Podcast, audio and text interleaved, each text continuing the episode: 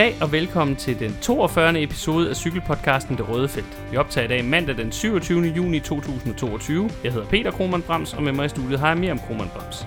Du finder os alle de sædvanlige steder, hvor du normalt finder din podcast, det vil sige Spotify, Apple Podcast, SoundCloud, Stitcher og diverse podcast-apps til Android. Derudover må du gerne følge os på de sociale medier og dele vores indhold, hvis du synes om det, vi laver.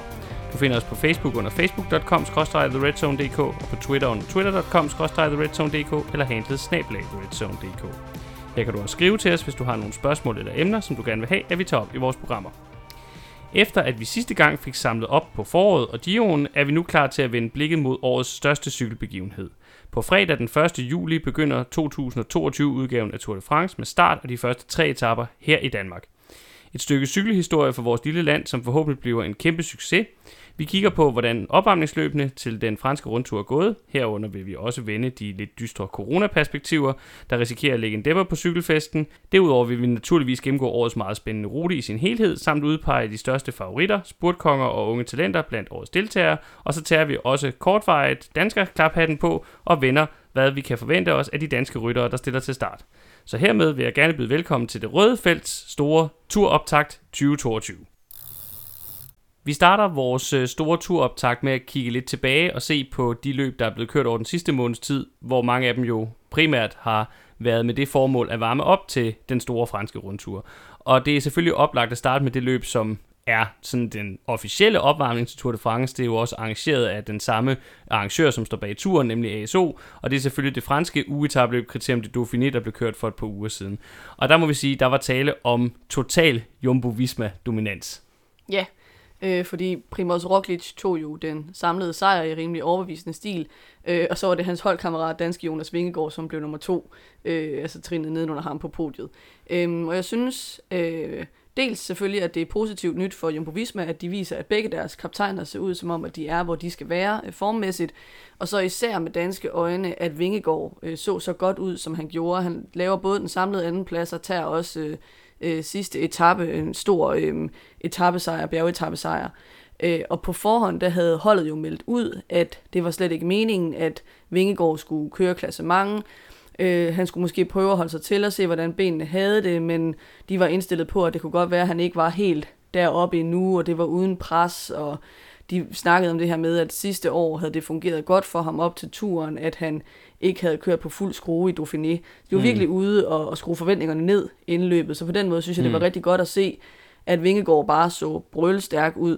Øhm, ja, man og, kan vel næsten sige, at han så stærkere ud end Roglic på den jamen, sidste det var det, jeg vil, vil frem til, at mm. selvom det er Roglic, der vinder samlet, så er det måske også lidt udtryk for, at de havde den her rollefordeling på forhånd, hvor det var meningen, at Roglic skulle vinde mm. løbet, og Vingegaard vidste ikke helt, hvor var formmæssigt. Så vi så jo tidligt i løbet, at Vingegaard blev brugt som sådan en superhjælperrytter, der, der virkelig lukkede øhm, angrebsforsøg på Roglic og på Van Aert ned mm. øh, på de første etapper. Øh, og så viste det sig jo, synes jeg, mod slutningen af løbet, at han i hvert fald var mindst lige så stærk, som, som mm. Roglic var. Øh, på sidste etape, der kørte de jo simpelthen bare væk sammen, og mm. er totalt over, overlegne på den her bjergetappe. Og så efterfølgende på en pressekonference, der er der en journalist, der spørger Vingegaard, hvis du ville, havde du så kunne sætte Roglic i dag? Mm. Og så svarede han noget i retning af, well, I guess we'll never know. Yeah. øhm, og jeg synes, han lignede en, der var mindre presset end Roglic. Man skal selvfølgelig passe på med at lægge alt for meget ind i det, og der mm. er også øh, fra Dauphiné til turen starter jo noget, noget tid, øh, hvor ens formkurve kan ændre sig i forhold til hinanden. Mm. Men jeg synes, han, man kunne godt få den tanke, at Vingegaard er den stærkeste af de to. Det kunne i hvert fald godt se sådan ud, øh, i hvert fald når vurderet ud fra, fra den sidste etape i, i løbet. Men alt i alt må man vel bare sige, at det er perfekt optakt for Jumbo Visma det her. Deres to toprytter ser ud til at være Øh, øh, helt der, hvor de skal være, og måske have timet formen perfekt i forhold til turen. Og så bliver det jo ikke øh, dårligere af, at Fanert så er den øh, dominerende rytter på de øh, flade etaper, i hvert fald de etaper, der er leder op til, til de afgørende. Han snupper to etappesejre. Det burde så være blevet til, til tre. Han valgte øh, på en af de etaper, der sluttede opad til sidst øh, af sådan en lille stejl mur. Der øh, lavede han klassikeren med at juble, inden han var kommet over stregen, og så smuttede øh, David Gody fra FDJ lige udenom ham og tog sejren. Men øh, det blev til to etappesejre og en pointtrøje til Fanert, så han ligner også en mand, der er klar til, til de franske landeveje og danske. Øh, men øh, den mest interessante historie, ud over Jumbo Visma, når vi sådan snakker det samme klassement, det var måske vildt ham, der blev nummer tre. Øh, ja, det kan man sige. Altså, det er jo O'Connor øh, fra AG2R, som måske bliver den største overraskelse. Træer. Øhm, mm. Og det er jo et rigtig godt tegn for det franske AG2R-mandskab, inden øh, at de gerne skal vise sig godt frem på hjemmebanen. Øh, han blev nummer 4 sidste år i turen, men det var sådan lidt på baggrund af, at han havde fået tid i et, et mm. udbrud, hvor han så formåede at holde rigtig godt fast i sit klassement øh, bagefter. Men hvor vi jo efter sidste års Tour de France snakkede om, at det var måske loftet øh, for ham, og der omkring en fjerdeplads. Øhm, jeg synes så godt, man kan overveje, om det er et udtryk for, at han har taget øh, et skridt op og lagt et niveau mere på, at han bliver træer her. Eller om vi måske snarere skal betragte Roglic og Vingårds indsats i lyset af, at det altså er O'Connor, som bliver træer, fordi ja. så stærk var den øvrige konkurrence i løbet jo ikke. Øhm, blandt andet fordi, at, øh, at Ineos konkurrenterne især var til start i Schweiz rundt, og øh, rock, øh, hvad hedder det, Pogacar havde valgt slet ikke at stille op øh, i et af de to store øh, optagsløb.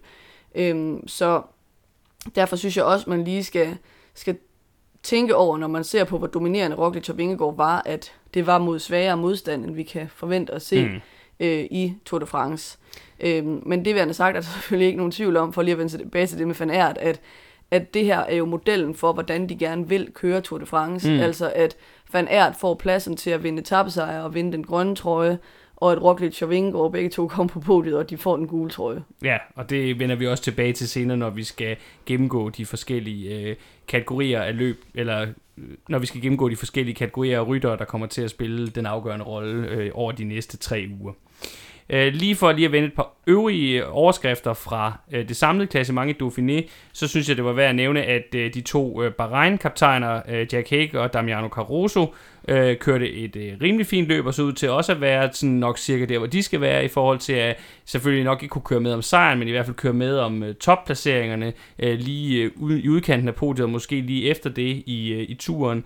Øh, så havde vi et par øh, gamle navne, som har været lidt væk, men som dukkede lidt op igen. Vi havde en Louis Menches fra Wanty landsholdet, og en øh, Esteban Chavez fra EF, der begge to viste sig flot frem, efter at de jo i de sidste mange år lidt har manglet resultater. Menches kom lidt tilbage sidste år, men men det har jo ikke været nogen rytter, vi har nævnt sådan for det positive de senere år, så det er jo øh, altid godt at se, når der er nogle af de her øh, folk, der tidligere har, har præsteret bedre, der så genfinder lidt af deres gamle niveau. Og så apropos Chavez, så har han en holdkammerat, der øh, måske efterhånden er ved at få et lidt sent øh, karrieregennembrud, en, en, en joker i, i det her løb, nemlig portugisiske Ruben Guerrero, som øh, altså er en rytter, der har været i feltet nogle år. Han er, han er et godt stykke, han er ved at være, han er, ligger imellem de der 25-30 år, så man kan jo ikke rigtig kalde ham et talent længere, men øh, han har faktisk haft en rigtig flot sæson, og, og slutter altså også på en, øh, en samlet 9. plads her i, i Dauphiné, så en, en rytter, man måske skal holde lidt øje med. Øh, han kørte også godt på etaperne undervejs, så ham vil jeg da i hvert fald lige øh, følge med et ekstra øje her i, i det franske også. Han skal selvfølgelig også køre Tour de France. Så går vi videre til det andet øh, opvarmningsløb til turen, det andet øh, øh, World Tour løb, der ligesom varmer op til den franske Grand Tour. Og det er selvfølgelig Schweiz rundt, som jo i, i de gode gamle dage var sådan det, det helt sådan klassiske opvarmningsløb. Det har sådan tabt lidt terræn til, til Dauphiné i, i de senere år. Øh, omkring Schweiz kan man sige den her gang, at det endte jo så med, apropos det her med, at favoritterne til turen har spredt sig meget i år. Altså det er så med at blive den, den store Ingers triumf i, i den her omgang. Ja, men man kan så måske undre sig lidt over, hvem det er, der leverer den for dem, ikke? Fordi mm. det er jo mm. Jaron Thomas, øhm, som vinder øh, løbet sammenlagt efter at have kørt stabilt i bjergene, og så tager han den hjem øhm, på, på den sidste afgørende enkeltstart. Øhm, og Martinez og Adam Yates var jo også til start i det her løb, men Martinez synes jeg ikke øh, så sådan vanvittigt imponerende ud øh, sådan undervejs i løbet på bjergetapperne. Han kørte dog en, en fin enkeltstart til sidst. Mm. Øh, men han ligner ikke sådan på samme måde som tidligere på året en, der står på spring for at overtage kaptajnrollen i Tour de France. Og der har det jo egentlig hele tiden været meldt ud, at den skulle, skulle gå til Adam Yates, nu hvor Bernal øh, mm. ikke kan stille op i Tour de France på grund af sit forfærdelige øh, styrt. Øh, men Yates udgik jo med øh, covid øh, undervejs, øh, så han var ligesom heller ikke til, til at gøre Nej. en afgørende forskel. Øhm, så egentlig så synes jeg, at, at øh, den, der kan være gladest for det her, det er at Jaron Thomas. Det er selvfølgelig først og fremmest rigtig fedt for Ineos, at de, øh, at de får den her sejr. Øh, men jeg tænker også, at øh, man måske skal holde øje med, om Jaron Thomas godt kunne være en, der vil ligge på lur for at, at springe i kaptajnrollen. Ja, det bliver jo interessant. Altså, man skal jo stadigvæk huske, at de her øh, stigninger i Schweiz rundt øh, er jo ikke lige så hårde og lige så lange, mange af dem, som dem vi kommer til at møde i turen. Så, Så om vi kan forvente det samme med Jaron Thomas øh, i Frankrig, det, det synes jeg er tvivlsomt. Og vi må også sige, Martinez har jo tidligere meldt ud, at han mener, at han er god nok til at udfordre de bedste i turen. Så det kan jo godt være, at fordelingen her måske lidt var et udtryk for, at at øh, Thomas Gråstrej Yates, Yates var nok prioritering, han måtte så udgå, og så Thomas så ligesom går ind og overtager den rolle, og Martinez i stedet lader op til at prøve at toppe måske sent i, i Tour de France, og det måske er det, det handler om.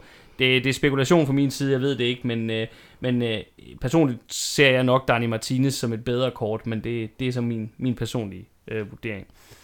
Hvis vi skal kigge lidt på de øvrige historier fra Schweiz, øh, så er der jo en anden kolumbianer, der endte med at køre et rigtig, rigtig flot løb, og i det hele taget bygger videre på en fantastisk sæson indtil videre. Sergio Igita lavede jo faktisk det helt store attentat på øh, den samlede sejr øh, på den næstsidste etape, den, som også var kongeetappen i løbet, hvor han jo kørte og erobrede den, den gule trøje fra danske Jakob Fuglsang, men øh, desværre for ham så blev forspringet ned til Fuglsang og Thomas ikke helt stort nok, til han kunne køre den hjem på, på enkeltstarten. Ja, så set med danske øjne er den store øh, historie selvfølgelig, at Jakob Fuglsang blev nummer tre samlet, og faktisk på et tidspunkt havde øh, føretrøjen og lignede mm. en, der måske godt kunne række ud efter den samlede sejr. Det hører selvfølgelig med til historien, at han fik føretrøjen, fordi at Vlasov, øh, mm. der egentlig førte løbet, øh, måtte udgå på grund af en positiv øh, coronaprøve. Øh, men ikke desto mindre synes jeg, det er godt at se Jakob Fuglsang være med øh, fremme igen. Øh, man så så også, synes jeg, at han han har de der begrænsninger i bjergene, mm. øh, fordi han kunne ikke øh, svare igen på Igitas angreb. Øh, og så ender han med at skulle sidde og lukke hullet, fordi at øh, John Thomas bare sidder på næs. Ja. Og, og kunne ligesom kunne lukrere på, at han godt vidste, at han ville kunne hente det tabte på enkeltstarten. Ja, så øh, det, det er et flot resultat for Fuglsang. Det viser, at øh, han stadig øh, kan være med, stadig kan blande sig, stadig kan køre resultater hjem. Men altså, igen, der mangler måske lige topniveau til at udfordre de allerbedste. Øh, og øh, apropos den her historie med, hvordan han fik en gule trøje, så er det noget, jeg lige synes, vi bliver nødt til at tale om. Jeg tænker, vi tager det nu, så behøver vi ikke bruge så meget krudt på det, når vi sådan virkelig skal dykke ned i, i, i turforberedelsen. Øh, Men covid endte jo desværre igen med at spille en meget stor rolle, og endte faktisk med nærmest at ødelægge det her cykelløb, for der var rigtig, rigtig mange rytter, der endte med at udgå, på grund af, at de havde afleveret positive øh, coronaprøver. Blandt andet, som du allerede nævnte, Alexander Vlasov, som jo faktisk lige havde taget øh, føretrøjen og ført løbet på det her tidspunkt, da det skete på en etape, hvor han havde set rigtig godt kørende ud. Øh, og øh, dagen før, det mener jeg det var, der var danske Søren Krav blevet kylet ud, øh, efter han så lige inden da var blevet nummer tre i en spurt. Og så er altså heller ikke lignet en mand, der var synderligt påvirket af det her. Og det er faktisk noget, jeg er rigtig, rigtig bekymret for, hvordan øh, det kommer til at influere på turen, hvis man kører en politik, der hedder, at rytterne skal testes, også selvom at de ikke er øh, altså også selvom de ikke er syge eller har øh, tydelige symptomer, og så kan ende med at blive hældt ud, selvom de er godt kørende, og til synligheden ikke fejler noget som helst sådan fysisk, fordi de har afleveret en, en positiv coronaprøve. Og jeg vil bare synes, det var så ærgerligt, hvis øh, årets Tour de France bliver afgjort af, hvem der er bedst til at ikke aflevere en, en øh, positiv covid-test, mere end hvem der rent faktisk er bedst til at køre på cykel. Ja, det ville være en ærgerlig fodnote at have stående ud for årets øh, Tour de France sejr, at øh, ja, det var fordi, at den og den og den blev sendt hjem på en positiv coronatest. Jeg prøver at forestille dig, hvis det sker for Vingegaard i den gule trøje, også med starten i Danmark og alting. Øh, altså det man kan sige, det er, at sygdom er jo altid en del af gamet i cykelsport, og mm. der køres aldrig Grand Tours, uden at der er nogen, der udgår, fordi at de bliver syge.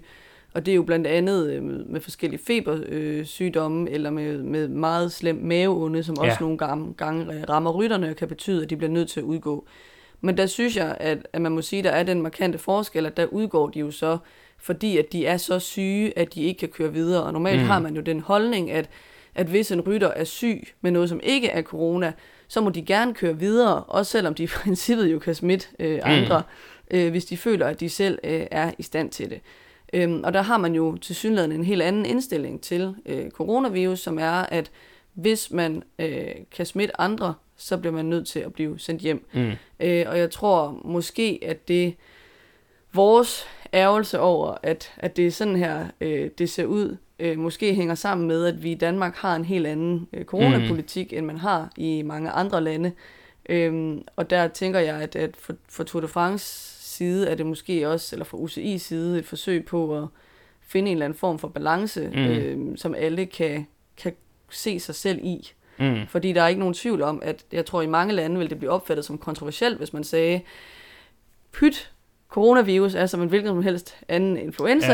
Ja. Øh, vi kan bare lade den florere. Hvis folk bliver så syge, at de ikke kan køre på cykel, så må de rejse hjem, og ellers er de velkomne til at blive. Mm. Det, det tror jeg, i Danmark synes man ikke, det er så kontroversielt, fordi at vi et eller andet sted i samfundet Nogen vil nok synes det. har den holdning, at nu, Mm. nu betragter vi det som en almindelig influenza-lignende virus, men i mange andre lande, der har man jo stadigvæk et helt andet syn på det. Mm, ja, og det, det, det spiller naturligt nok en rolle i, i UCI's overvejelse. Det er jo UCI, altså den internationale cykelunion, der laver reglerne for det her. Det er ikke så meget løbsarrangørerne, så det er, det er også dem, der skal, skal ændre på det, hvis det skal være. Jeg vil bare sige, jeg er meget bekymret for det her. Jeg frygter, at, at hvis alt går galt, så kan vi ende med at få den mest kaotiske og, og farseagtige udgave af turen siden 1998. Det er selvfølgelig skrækscenariet. 98, det var det år, hvor alt gik op i hat og briller og, dop- og positive dopingprøver, og det ene hold efter det andet, der blev smidt ud efter deres hotel blev, øh, hoteller blev renset og så videre. Øhm, det er ikke, jeg siger ikke, at vi ender der. Jeg håber det virkelig ikke, men øh, jeg er meget bekymret for det. Jeg har også skrevet et, øh, et debatindlæg om det, som man kan finde inde på theredzone.dk, og som jeg jo også har prøvet at, at sende til nogle af dem, der øh, dækker øh, turen, og i håb om, de i hvert fald i mindste vil diskutere det herop til, til løbet. Nå, ikke mere coronasnak for nu. Lad os lige hurtigt vende de sidste øh, par opvarmningsløb, der har været til turen. Der bliver nemlig også kørt nogle løb på lidt lavere niveau, øh, en, øh, en World Tour niveau, øh, som nogle rytter bruger til at varme op til, til den franske Grand Tour. Og her er det selvfølgelig relevant først og fremmest at nævne Slovenien rundt, hvor øh, det var jo øh, der øh, Tadej Pogacar valg, valgte at varme op sammen med sit UAE-mandskab, og det gik som det plejer at gøre, når han gør det. Han dominerede totalt, skal sige, feltet i det her løb er endnu sværere end i både øh, Schweiz rundt og Dauphiné, så ikke så overraskende, men øh, det var en øh, populær hjemmebanesejr til, til den slovenske held, og, og så er han ligesom kørt i stilling til endnu en, øh, en gul trøje, øh, sådan som, som han nu bedst vil gøre det. Ja, og det var jo bare øh, en opvisning. Øh, jeg tror, det var på første etape allerede, eller på anden etape, at ham og Rafael Majka øh, lancerede et angreb sammen med 58 mm. km hjem, hvor det kun var Dom Novak, der kunne sidde med. Øh, og så på de efterfølgende bjergetapper, så var det bare altså, det samme billede, at de var klasser over de andre, og der er, sådan, der er nogle geniale optagelser af, at de på en af de her etapper, simpelthen på vej hen mod målstregen, slår sten, saks, papir om, hvem der skal have lov at køre først over. Mm. Øh, og sådan virkelig bare fordeler øh, etappesejrene imellem sig, fordi at de var så ekstremt øh, overlegne. Men altså, jeg ved ikke, hvor meget vi kan bruge øh, de resultater til, fordi Nej. Nej. tilbage står jo, at vi ikke har fået dem målt op imod hinanden forud for turen. Det betyder selvfølgelig også, at spændingen er større, Ja, ja. fordi vi ikke har øhm, en indikation øh, på forhånd af, hvor de ligger i forhold til hinanden, de store favoritter. Nej, og det er noget, det jeg synes, virkelig synes også skaber noget spænding øh, lige her i, i turoptakten lige nu. Øh, Der var også øh, nogle lidt øh, flade etaper i Slovenien, og der snuppede Dylan Kronevikken en spurtsejr, så han i hvert fald viser, at han er ved at ramme formen til de flade etaper i, i turen. Ellers så var øh, sprinterne sådan primært taget til Belgien for at køre Belgien rundt som opvarmning, og her var der spurtsejre til både Mads Pedersen, Jasper Philipsen og Fabio Jacobsen, så øh, de er alle sammen også ligesom fået bekræftet, at de er nok cirka der, hvor de skal være i forhold til det her. Det kan jeg jo lige sige som Belgien rundt, at det fik en lidt kontroversiel afslutning, da øh, den unge Schweizer Mauro Schmidt end, endte med at øh, vinde samlet øh, sejr for Quickstep, men blandt andet fordi, at hans øh, holdkammerat Yves Lampere var rigtig god til at sidde og, og, og køre lidt tæt på, og måske også holde lidt fat i, i Tim Wellens i en øh, pointspurt på den øh, sidste etape. En ikke helt heldig øh, situation, som i øvrigt, jeg mener, at øh, myndighederne altså cykelmyndighederne stadigvæk kigger på, om den skal have nogle konsekvenser. Øh, ikke at Mauro Schmidt står til at miste sin sejr, øh, for det var jo ikke ham, der gjorde noget ved, ved Vellens i den her situation, men, øh, men der kan komme et efterspil på den her, og det, det, det så heller ikke heldigt ud på tv-billederne, det vil jeg gerne erkende fuldt ud. Øh, Det sidste løb, vi lige kan nævne, det er det lille franske løb, der hedder Route de Occitanie. Det var det løb, der tidligere hed Route de Sud, øh, som også er sådan et lidt mere bjergrigt opvarmningsløb, kan man sige. Det er så på to niveauer under øh, World Tour, så det er et meget lille løb. Men her fik øh, Israel endnu en positiv øh, øh, optakt til turen i form af en samlet sejr til Michael Woods. Og så kan vi jo lige nævne, at der var lidt øh, øh, dansker islet i det her løb, også på den positive front. Både Mathias øh, Skelmose og Jonas Gregor kørte også i top 10 og, og, og havde et, et glimrende løb, så det ud til. Øh, men øh, til gengæld så en, der måske kom fra det løb med lidt dårligere øh, fornemmelse, det var så Nairo Quintana, som faktisk på trods af et svagt felt kun blev nummer syv. Øh, og det er jo ikke så godt for ham og Arkea-mandskabet, der også virkelig satte sig på, på turen i år. Jeg vil lige sige om det med Skelmose, at jeg synes, det er værd at bemærke, at for det meste, når han placerer sig godt samlet i ugetabeløb, som det har været indtil nu, så er det fordi, der har været sidevindsetapper, hvor han har siddet med fremme, og der er nogle Okay. andre favoritter, der er blevet sat. Øh, og det, Det er jo generelt jeg noget, danskerne er gode til, er synes jeg. bemærkelsesværdigt. Altså på den ene side er det jo fedt, fordi at det er en god egenskab at have, at man kan udnytte det til sin fordel, men omvendt så betyder det jo også, at det er ikke fordi, at han gør forskellen i bjergene, øh, som nok er noget af det, han skal arbejde med fremadrettet. Men det er en god kvalitet at have, at han er god til at køre sidevendskørsel. Helt afgjort. Det har øh, været medvirkende til at afgøre flere øh, etabløb gennem tiden, så, så positivt, at han, han viser gode takter på den front. Det sidste, vi lige skal nå, inden at vi kaster os over turoptakten for alvor, det er lige at snakke lidt om øh, kvindernes sæson, både indtil videre, og så også, hvad der venter forud. Og vi kan egentlig lige starte med, hvad der venter forud, fordi mens mændene skal til at ud og køre Tour de France nu, så øh, kaster kvinderne sig ud i ikke bare et, men øh, to øh, store etabeløb, faktisk deres to største øh, etabeløb på den kvindelige World Tour, og det er i første omgang øh, Giro Donne, altså det der tidligere Giro Rosa, som er det kvindelige Giro d'Italia, det starter faktisk allerede her torsdag, altså dagen før mændenes Tour de France starter, og så skal de jo for første gang i år også køre en kvindelig udgave af Tour de France senere i juli. Altså de her, så de her to etabløb kommer sådan nærmest lige rap og giver jo sådan en øh, fornemmelse af, at kvinderne faktisk her hen over juli måned kører øh, et, et nærmest fuldt øh, etabeløbsprogram. I, lidt i stil med mændene. Der er selvfølgelig færre etaper i begge løb og pause undervejs, men øh, jeg synes, det, det er positivt. En, en god måde at tænke kvindernes World Tour kalender ind på i, øh, på den her måde. Det er super fedt, at kvinderne endelig får et Tour de France. Jeg synes faktisk også, det synes som om, de har fået lagt en ordentlig rute. Nogle gange har det jo været kritiseret, at kvinderne øh, har haft nogle kedeligere løb, fordi at mm. der ikke har været øh, prioriteret at lægge bjergetapper ind. Mm. Øhm, men for eksempel så får vi jo det afgørende bjergslag på sidste etape, mener det er, op af Planche de Belfi.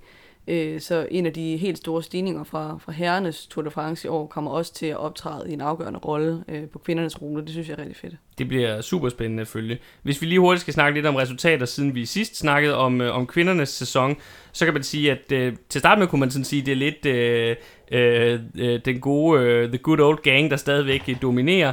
Øh, hvad hedder det? Annemiek van Fløten vandt det Lies Bastogne Lies i kvindernes udgave. Demi Follering snuppede den øh, nystartede kvindelige udgave af Baskerlandet rundt. Et løb, som fik et lidt uheldig øh, start, fordi løbsdirektøren, som vist nok også ham, der står for mændenes udgave, sagde at noget om, at det her med, at der var en kvindeudgave, det var bare fordi, det var øh, lækkert også at have noget, noget kvindecykling, sådan rent publicity-mæssigt. Det var den eneste grund til, at der var det. Det var ikke så heldigt, men øh, øh, det skal ikke tage noget fra, fra Follerings sejr. Og så vandt øh, Longoborghini øh, for nylig det, det britiske øh, etabeløb Women's Tour, hvor hun i øvrigt øh, også fulgte op på sin flotte sejr i Paris-Roubaix fra tidligere sæsonen. Men noget, jeg synes er fedt at se faktisk øh, her, har været fedt at se her i løbet af foråret for kvinderne, det er, at der også er nogle nye navne, der begynder at blande sig. Ja, det er jo især øh, Cavalli fra, øh, fra FDJ, eller det, der svarer til FDJ. Øh, Jeg tror, det hedder faktisk det, hedder- det samme. ja, og så det hedder et andet det, så er det tilnavn, ekstra, ja. der er noget futuroskop og sådan et eller andet øhm, også indover. men Cecilie Utrup. Ludvigs Lige holdkammerat, præcis. øh, Marta Cavalli, mm. øh, har virkelig bare fået det store gennembrud i år. Det er virkelig årets oplevelse. Hun havde jo en fantastisk flot øh, Ardenner-kampagne. Øh, hun har så siden lavet en fjerdeplads i Baskerlandet, og så fik hun en meget overbevisende sejr hævet hjem i det her løb, der hedder Bangtu Challenge, som er det her relativt nystartede løb, øh, også nystartet på herrenes side, hvor man simpelthen kører et endagsløb, der slutter op af Mont Ventoux som optakt til øh, Tour de France. Øh, og så må vi sige, at på sprintersiden har vi også lidt fået øh, en ny dronning ind øh, i form af Vibes. Øh, hun har senest vundet øh, Ride London og taget pointtrøjen i Women's Tour, øh, så hun ligner virkelig en, der kommer til at skulle dominere i sprinterfeltet fremadrettet. Ja, Jeg vil lige pointere, Ride London øh, er, er i kvindeudgaven et etabløb, og øh, Vibes vandt samtlige etapper i, det, i, i det løb. Øh, det er et helt fladt løb, men øh, det er også øh, ret dominerende. Det er sådan noget, vi normalt ser Arno Demare lave i små franske løb og sådan noget på herresiden, så det er ret imponerende. Jeg vil lige fremhæve endnu en rytter, Øh, det er en ung øh, fransk rytter, Juliette, Juliette Labou, jeg håber, jeg udtaler det rigtigt, øh, der øh, har vundet øh, den kvindelige udgave af Burgers Rundt, som i modsætning til øh, herreløbet er et, øh, et World Tour løb hos kvinderne, og så blev hun faktisk også nummer 5 i, i Baskerlandet, altså det løb, som vi taler om, at, øh, at Demi Follering vandt. Så også en ny spændende rytter, hun kører jo for den, det, det kvindelige DSM-hold, øh, så også en, jeg tror, vi skal holde øje med i, i årene frem efter. Øh, og så tænker jeg, at vi lige kan nå også at komme rundt om, hvordan øh, DM gik øh, på, på kvindesiden her i, i, i den forgangne weekend. Eller i går var det jo faktisk. Ja, fordi at det var jo bare, øh, kan man sige, den kæmpe forløsning for Cecilie Utrup Ludvig, øh, at hun vandt øh, Danmark rundt. Altså dels fordi, at man har nok i flere år siddet med, med sådan en fornemmelse af, at det vil et eller andet sted være fortjent, hvis hun fik Dannebrogstrøjen, fordi hun kører på så højt et niveau internationalt. Men hun har den der ulempe, at hun ikke har nogen særlig god øh, sprint. Mm. Øh, så når hun kommer hjem sammen med andre, så er det svært for hende at vinde. Øhm, og der så vi hende jo bare virkelig køre løbet fra front af øh, på den måde, som vi også gerne vil se hende køre løb på, når hun kører, øh, kører internationalt. Altså med at angribe langt udefra, gøre forskellen på bakkerne, slå hullet og holde øh, hjem. Og jeg synes noget, der især var imponerende, det var, at på sidste omgang, øh, der var hun lige ved at blive hentet af Emma Norsgaard, der kom bravende mm. ned bagfra. Og jeg tror, øh, sidste gang de skulle op af den afgørende stigning på rundstrækningen, der, øh, da Utrup Ludvig går ind på stigningen, der har hun cirka 10 sekunders forspring kun ned mm. til, øh, til Emma Norsgaard, hvor man tænker, okay, nu kommer damptoget og overhaler hende. Og så, så har hun bare det sidste afgørende ryg i sig alligevel, Cecilie mm. Utrup Ludvig, selvom hun har ligget ude foran så lang tid, så rykker hun simpelthen fra Norsgaard en gang til, øh, og ender med at åbne så stort et hul, et nyt hul op, mm. at hun kan, kan holde hjem. Øhm, det synes jeg virkelig var, var et flot løb og et underholdende løb. Øh, og man kan sige, Norsgaard havde jo vundet enkeltstarten øh, tidligere på ugen, og hun får så sølv i, i linjeløbet. Øh, så det var bestemt ikke noget dårligt øh, udbytte for hende for de her nej, mesterskaber nej, heller. Ikke. Og jeg synes, vi får bekræftet, at, at der er en grund til, at det især de her to kvinderyttere fra Danmark, vi taler om, de er virkelig bare øh, i særklasse gode. Øhm, og jeg synes, det, det er fedt for Cecilie, fordi at hun jo har haft en virkelig, virkelig svær sæson.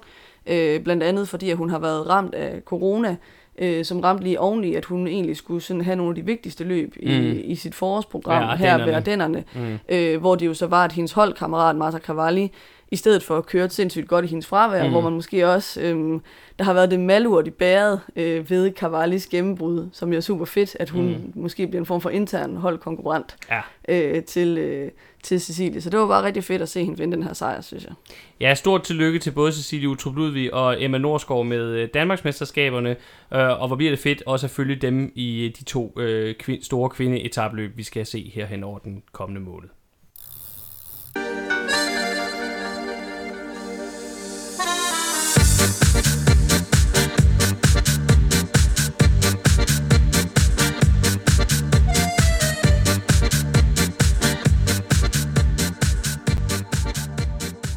Og efter det her tilbageblik, så vil vi nu vende blikket fremad og fokusere på årets Tour de France.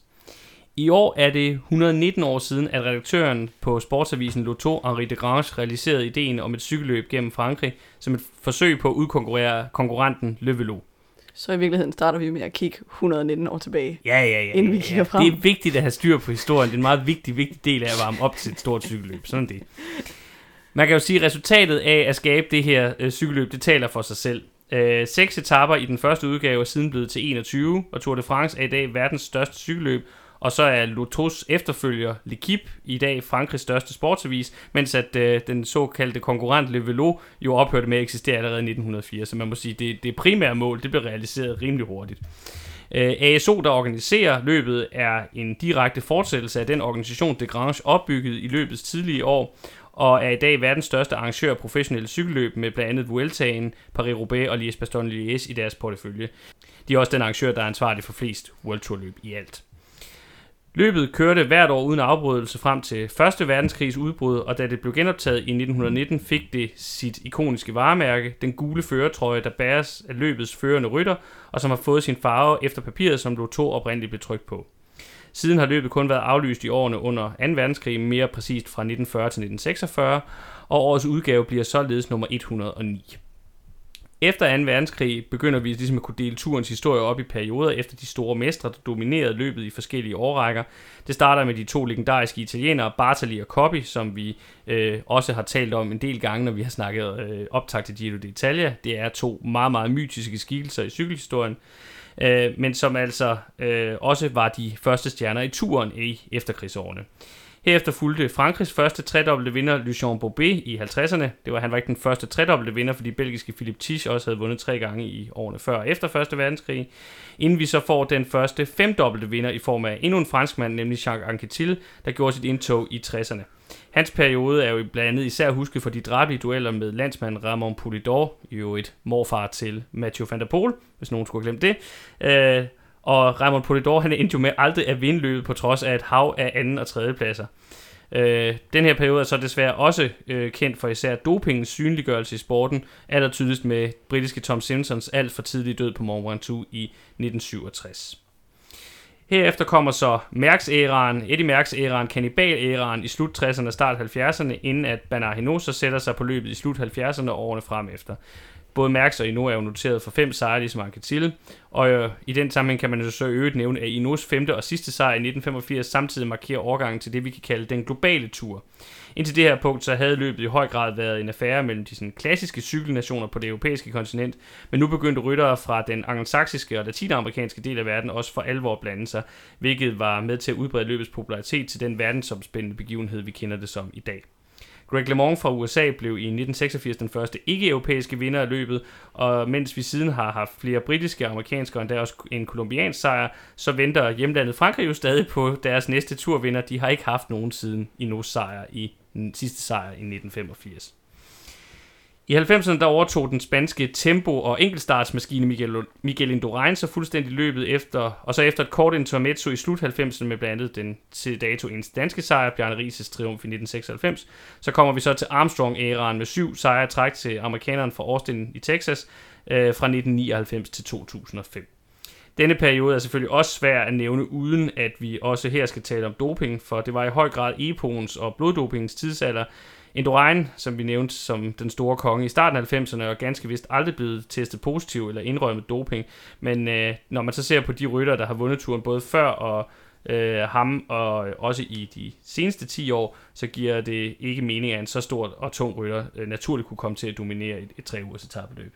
Ja, jeg tænkte måske, man lige kan indskyde her, at, at med 90'erne, der får vi jo også de første til at vinde så mange Tour de France i træk, fordi altså Anquetil og, og Merckx og Ino, de vinder jo deres øh, fem Tour de France sejre spredt ud over øh, mere end en femårig periode. Ja, men, men Anquetil og, og Merckx har begge to fire sejre i træk. Ja, men det er der, hvor vi får den første, der vinder mm. fem i træk. Ja, det er, det er Indurain, ja. som ligesom blev sat som en form for ny bare, som så var mm. den Armstrong skulle skubbe yderligere ved mm. øh, at vinde øh, syv i træk, hvor han havde den her idé om syv som sådan et, et magisk, eventyrligt ja. tal øh, som han skulle, skulle opnå syv i streg. Mm.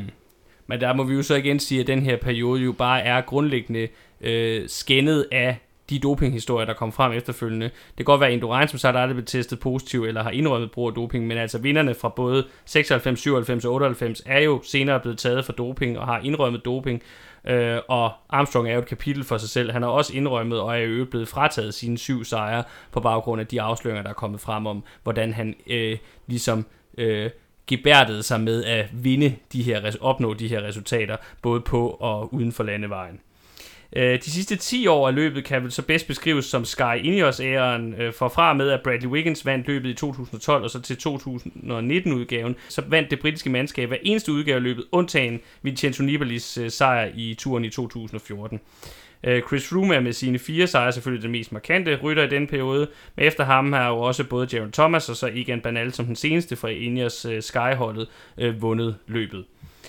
Banal i øvrigt som den første kolumbianske vinder, apropos. Nu kunne noget jo så tyde på, at vi har bevæget os ind i en ny æra, den såkaldte slovenske æra. I hvert fald så er de to øh, seneste udgaver blevet domineret af tidens to store etabløbsryttere fra det lille østeuropæiske land, Først i direkte duel i 2020, hvor Primoz Roglic endte med at tabe løbet til Tadej Pogacar med 59 sekunder på den afgørende enkeltstart op til Planche de Belfi.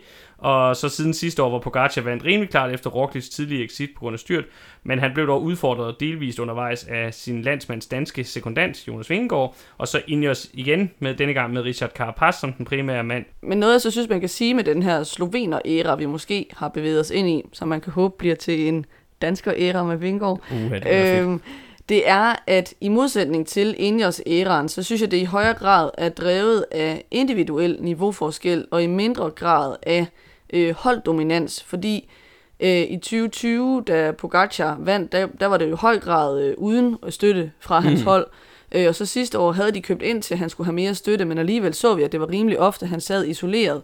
Mm. Øhm, så han har ligesom vundet sine sejre på bare klart at være den bedste øh, formmæssigt, den bedste atlet. Øh, og vi ser også det her med, at de ligesom super dominerer, ikke kun i, i Tour de France, men i nærmest alle de løb, de stiller op i. der, der har de bare en tendens til at være klasser bedre. Øhm, og det er jo ikke øh, sådan, Ineos har vundet deres sejre. Nej. Ikke for at sige, at Froome ikke var den bedste Grand Tour-rytter, mens han vandt sin sejre, men Ineos har især vundet ved at køre den der Ineos-style, hvor de bare sidder mm. hele øh, holdet i fronten af feltet, og så kører deres raket af, hvor de simpelthen bare øh, udmager de andre hold øh, fuldstændig mm. og sætter deres rytter, øh, eller klassementsrytter op til så at gøre arbejdet færdigt til sidst. Øh, så det er også en, en anden måde at, at køre øh, Tour de France på, og jeg synes jo, at det vi har set, det er, at Ineos har haft svært ved at finde ud af, hvad de skulle stille op over for det, fordi at deres vi har det bedste hold-taktik sådan set ikke øh, har virket de sidste to år. Og man så det jo egentlig også lidt med, med Jumbo, som jo også på papiret har et stærkere hold øh, end UAE. Øh, hvad var der haft det de sidste to år? Det har heller ikke været nok til at klaske Pogacar, fordi han bare er den bedste. Nej, det er, det er en anden måde at køre cykelløbet på, end, end vi så øh, de år, hvor, hvor Froome var dominerende. man kan ikke lade være med at tænke lidt, hvordan det måtte være blevet, hvis, hvis, øh, hvis vi havde haft nogle, nogle rytter af, den, øh, af det talentniveau øh, i de år, hvor, hvor det ellers var Froome og Ineos, der sad på det. Jeg vil gerne indskyde en, en sidste historisk bemærkning, ja. som er, at nu sagde du det her med, at vi er gået fra at have um, 6 til at have 21 etapper at noget, der er værd at bemærke, det er, at løbet er jo ikke blevet længere af den grund. Det er faktisk blevet markant kortere. øh, det længste løb øh, er på 5.700 et eller andet kilometer, tror jeg, den længste Tour de France ja. der har været. Det var så ikke på, på 6 etapper, det var vist på 17, men stadigvæk. Ja. Dengang man kørte de her løb på omkring 6 etapper, der var det stadigvæk en 4-5.000 kilometer, man kørte i alt.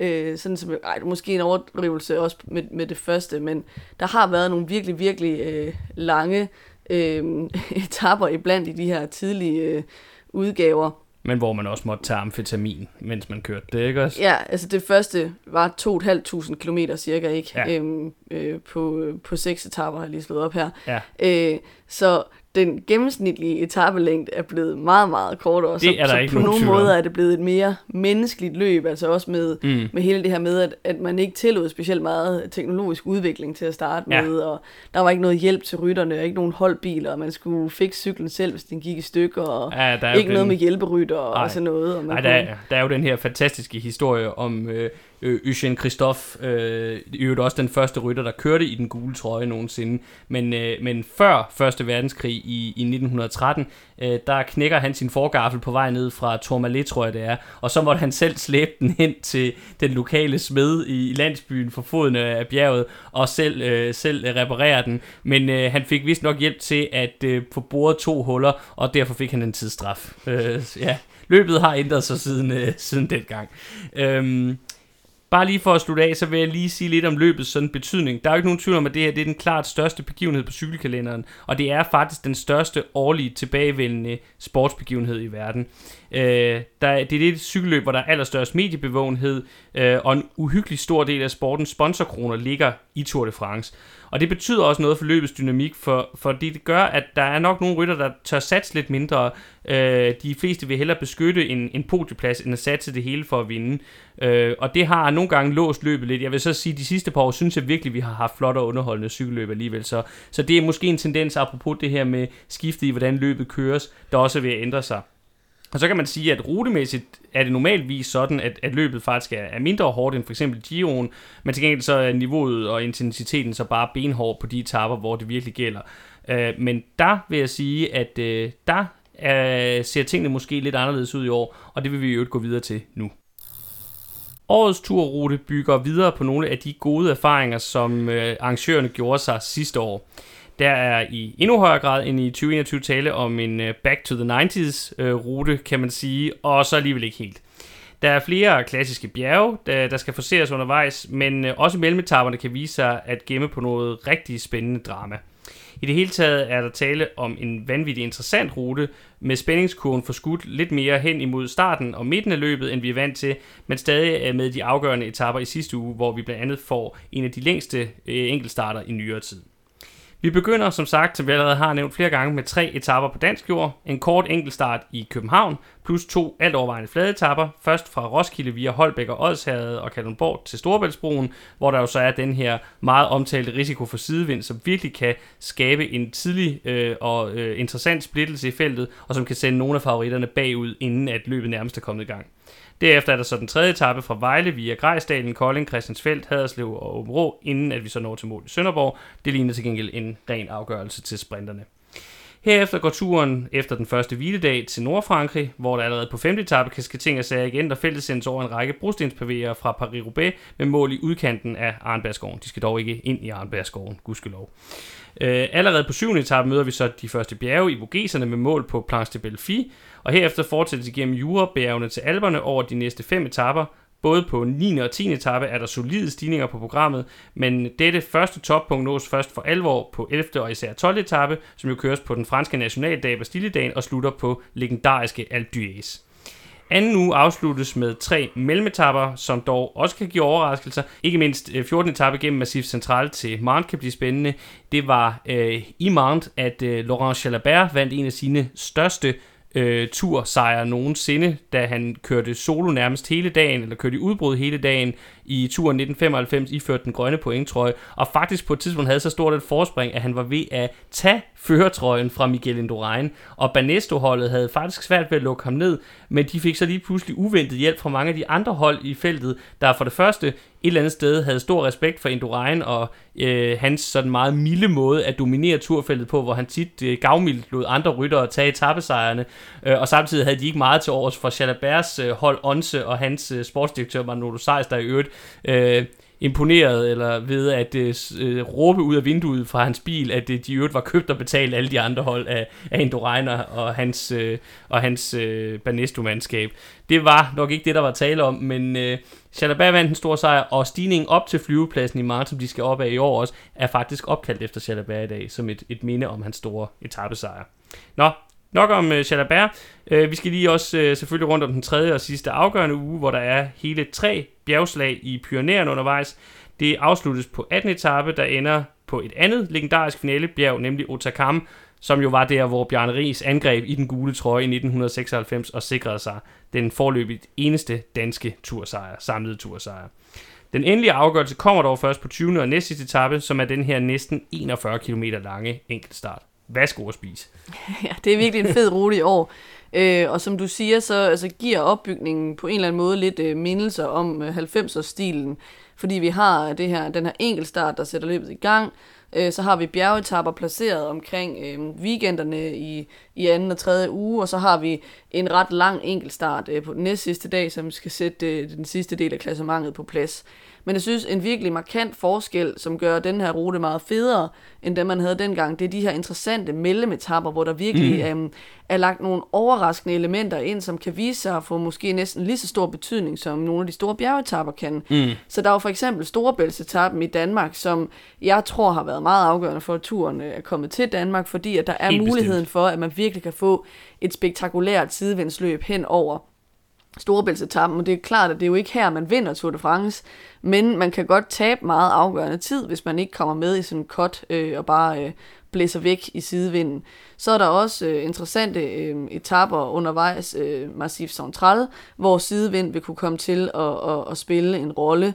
Øh, så er der selvfølgelig øh, meget indlysende brostensetappen, øh, som virkelig kan komme til at få afgørende betydning. Jeg kunne godt frygte, at, at det blandt andet vil være, fordi der er nogen, der styrter og udgår, ja. som ellers kunne være kommet til at ligge til i klassementet, som vi for eksempel også så det skete med, med Christopher Froome øh, i 14. I 2014, ja. Øhm, men også fordi der vil være nogen, som bare ikke er gode til at køre på brosten, og som derfor kommer til at, at sætte tid til.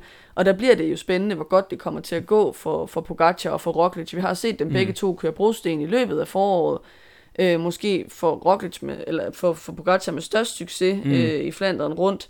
Øh, men øh, jeg tror, vi kan sige for dem begge to, at de har ikke kørt på lige så svære brostenstykker, som dem, øh, de kommer til at blive mødt med her.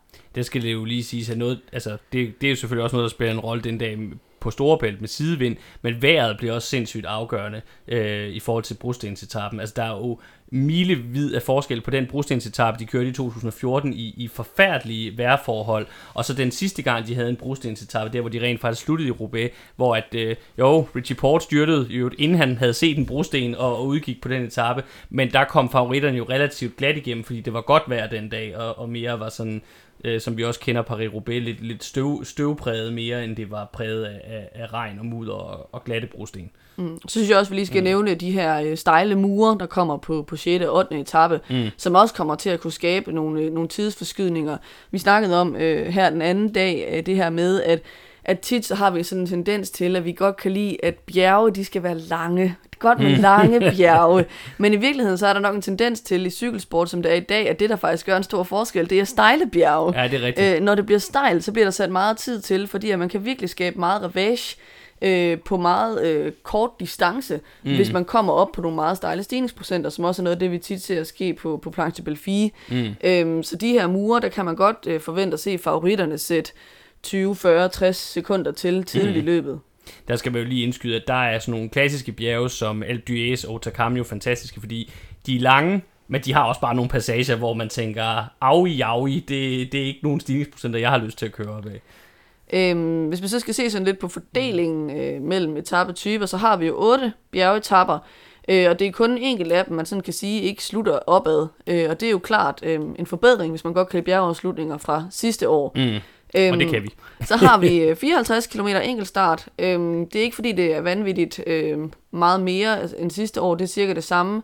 Øh, men det er, kan man sige, mere end det har været nogen øh, Tour de France i de senere år, hvor man har haft sådan en fornemmelse af, at de har skruet så, så langt ned for enkeltstartsmængden som muligt af hensyn til nogle af de øh, franske bjergrytter, der ikke kan lide enkeltstart. Kunne det have noget med Roman Bardes øh, godt begejstring eller mangel på samme ja. for, for hans enkeltstartcykel? Nå, så har vi øh, på papiret syv sprinteretapper, men på grund af risikoen for sidevind og så knolde undervejs, hvor nogle af de tungere sprintere kan blive sat, så tror jeg, at det i praksis kan vise sig, at der måske kun vil være, hvis sprinterne er rigtig uheldige, tre etaper, ja. der ender øh, som massespurter, fordi vi ved jo godt, at, at sådan et hold som Jumbo, øh, de kan have en stor fordel i at komme af med de allerstørste sprintere, fordi så kan mm. Fanert øh, vinde. Øh, det samme kunne øh, man også godt se, øh, at Sagan vil forsøge at opnå, ja, som han har gjort afgjort. tidligere øh, for simpelthen at altså bare sætte sit hold til at køre rigtig hårdt på kategori 4 stigninger, og så sætte de tunge sprinter og holde, mm. holde dem bag sig øh, hele vejen ind til mål.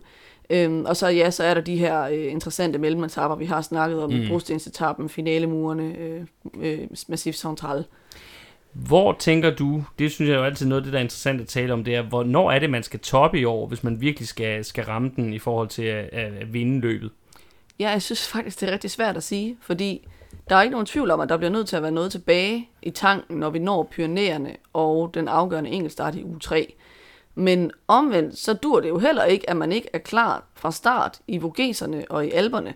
Øh, fordi så kan man have kørt sig så langt ud, mm. øh, bagud i klassementet, at man kan have svært ved at, at nå tilbage. Øhm, sidste år, der så vi, at Pogacar var totalt dominerende i den første halvdel af løbet. Mm. Men nok faktisk var marginalt under Vingegårds niveau i anden halvdel af løbet. Men det var ikke så stort et problem, fordi at, at en del af de bjergetapper, der endte opad, øh, allerede var kørt. Altså vi så for eksempel, at Vingegaard havde jo held til at sætte ham på, øh, på Vangtu i etappen, ja. men så blev han hentet på nedkørslen bagefter. Ja, til gengæld så var Pogacar jo stærkest på etappen til Lysart i Dang for eksempel. Ja, den sidste, der havde han øh, samlet sig. Men så så vi mm. så til gengæld, at han var totalt udmattet på den sidste enkeltstart og faktisk med en del tid til Vingegård, mm. hvor han også selv sagde, at det var ikke bare fordi han cruisede den hjem, fordi han havde et stort forspring. Han var overrasket over, at han ikke mm. kunne køre en bedre enkeltstart. Øh, så jeg synes, det bliver interessant, om vi kommer til at se øh, det mønster igen, og også om hans konkurrenter i så fald vil kunne begrænse tidstabene tidligt i løbet, og så udnytte det, hvis han måske mangler lidt på den sidste øh, enkeltstart. Øh, men jeg kunne nok godt øh, frygte, at vi bare ser en Pogacar, der går ud og basker dem fuldstændig på Blanche Belfie, fordi den ligger tidligt i løbet, han er god til at ramme løbet i god form, mm. og han elsker bare den stigning. Jeg ved ikke, om det er fordi, at det var der, han vandt sit første oh, Tour de France, noget, at der er et eller andet mentalt i det, ja. men han kører dem bare ned i tundåser på ja, den stil. det, det, det, har i hvert fald været sådan, de, de forrige gange, den har, den har været med, hvor han har, har spillet en rolle i løbet. Det, det må man sige. Hvis vi skal kigge lidt på, og det er måske også lidt en guide til dem, der lytter derude, hvis, hvis man ligesom skal pege på de afgørende etaper, altså de dage, hvor man virkelig bare skal sørge for at sidde klar ved tv'et, eller have sørget for på en eller anden måde at, at have det tilgængeligt on demand, så man kan se det øh, efterfølgende. Så vil jeg sige, at der er syv etaper, øh, vi har valgt ligesom at udpege som de, de afgørende. Øhm, og øh, man kan sige, den første, det vil jeg sige, det er brostensetappen på, på femte etape mellem Lille og Arnberg. Der er jo 11 brostenspavéer undervejs, og øh, som vi også taler lidt om i forhold til Storebæltsetappen i Danmark, løbet kan ikke vindes her, men det kan ikke den grad tabes, især hvis vejret er dårligt.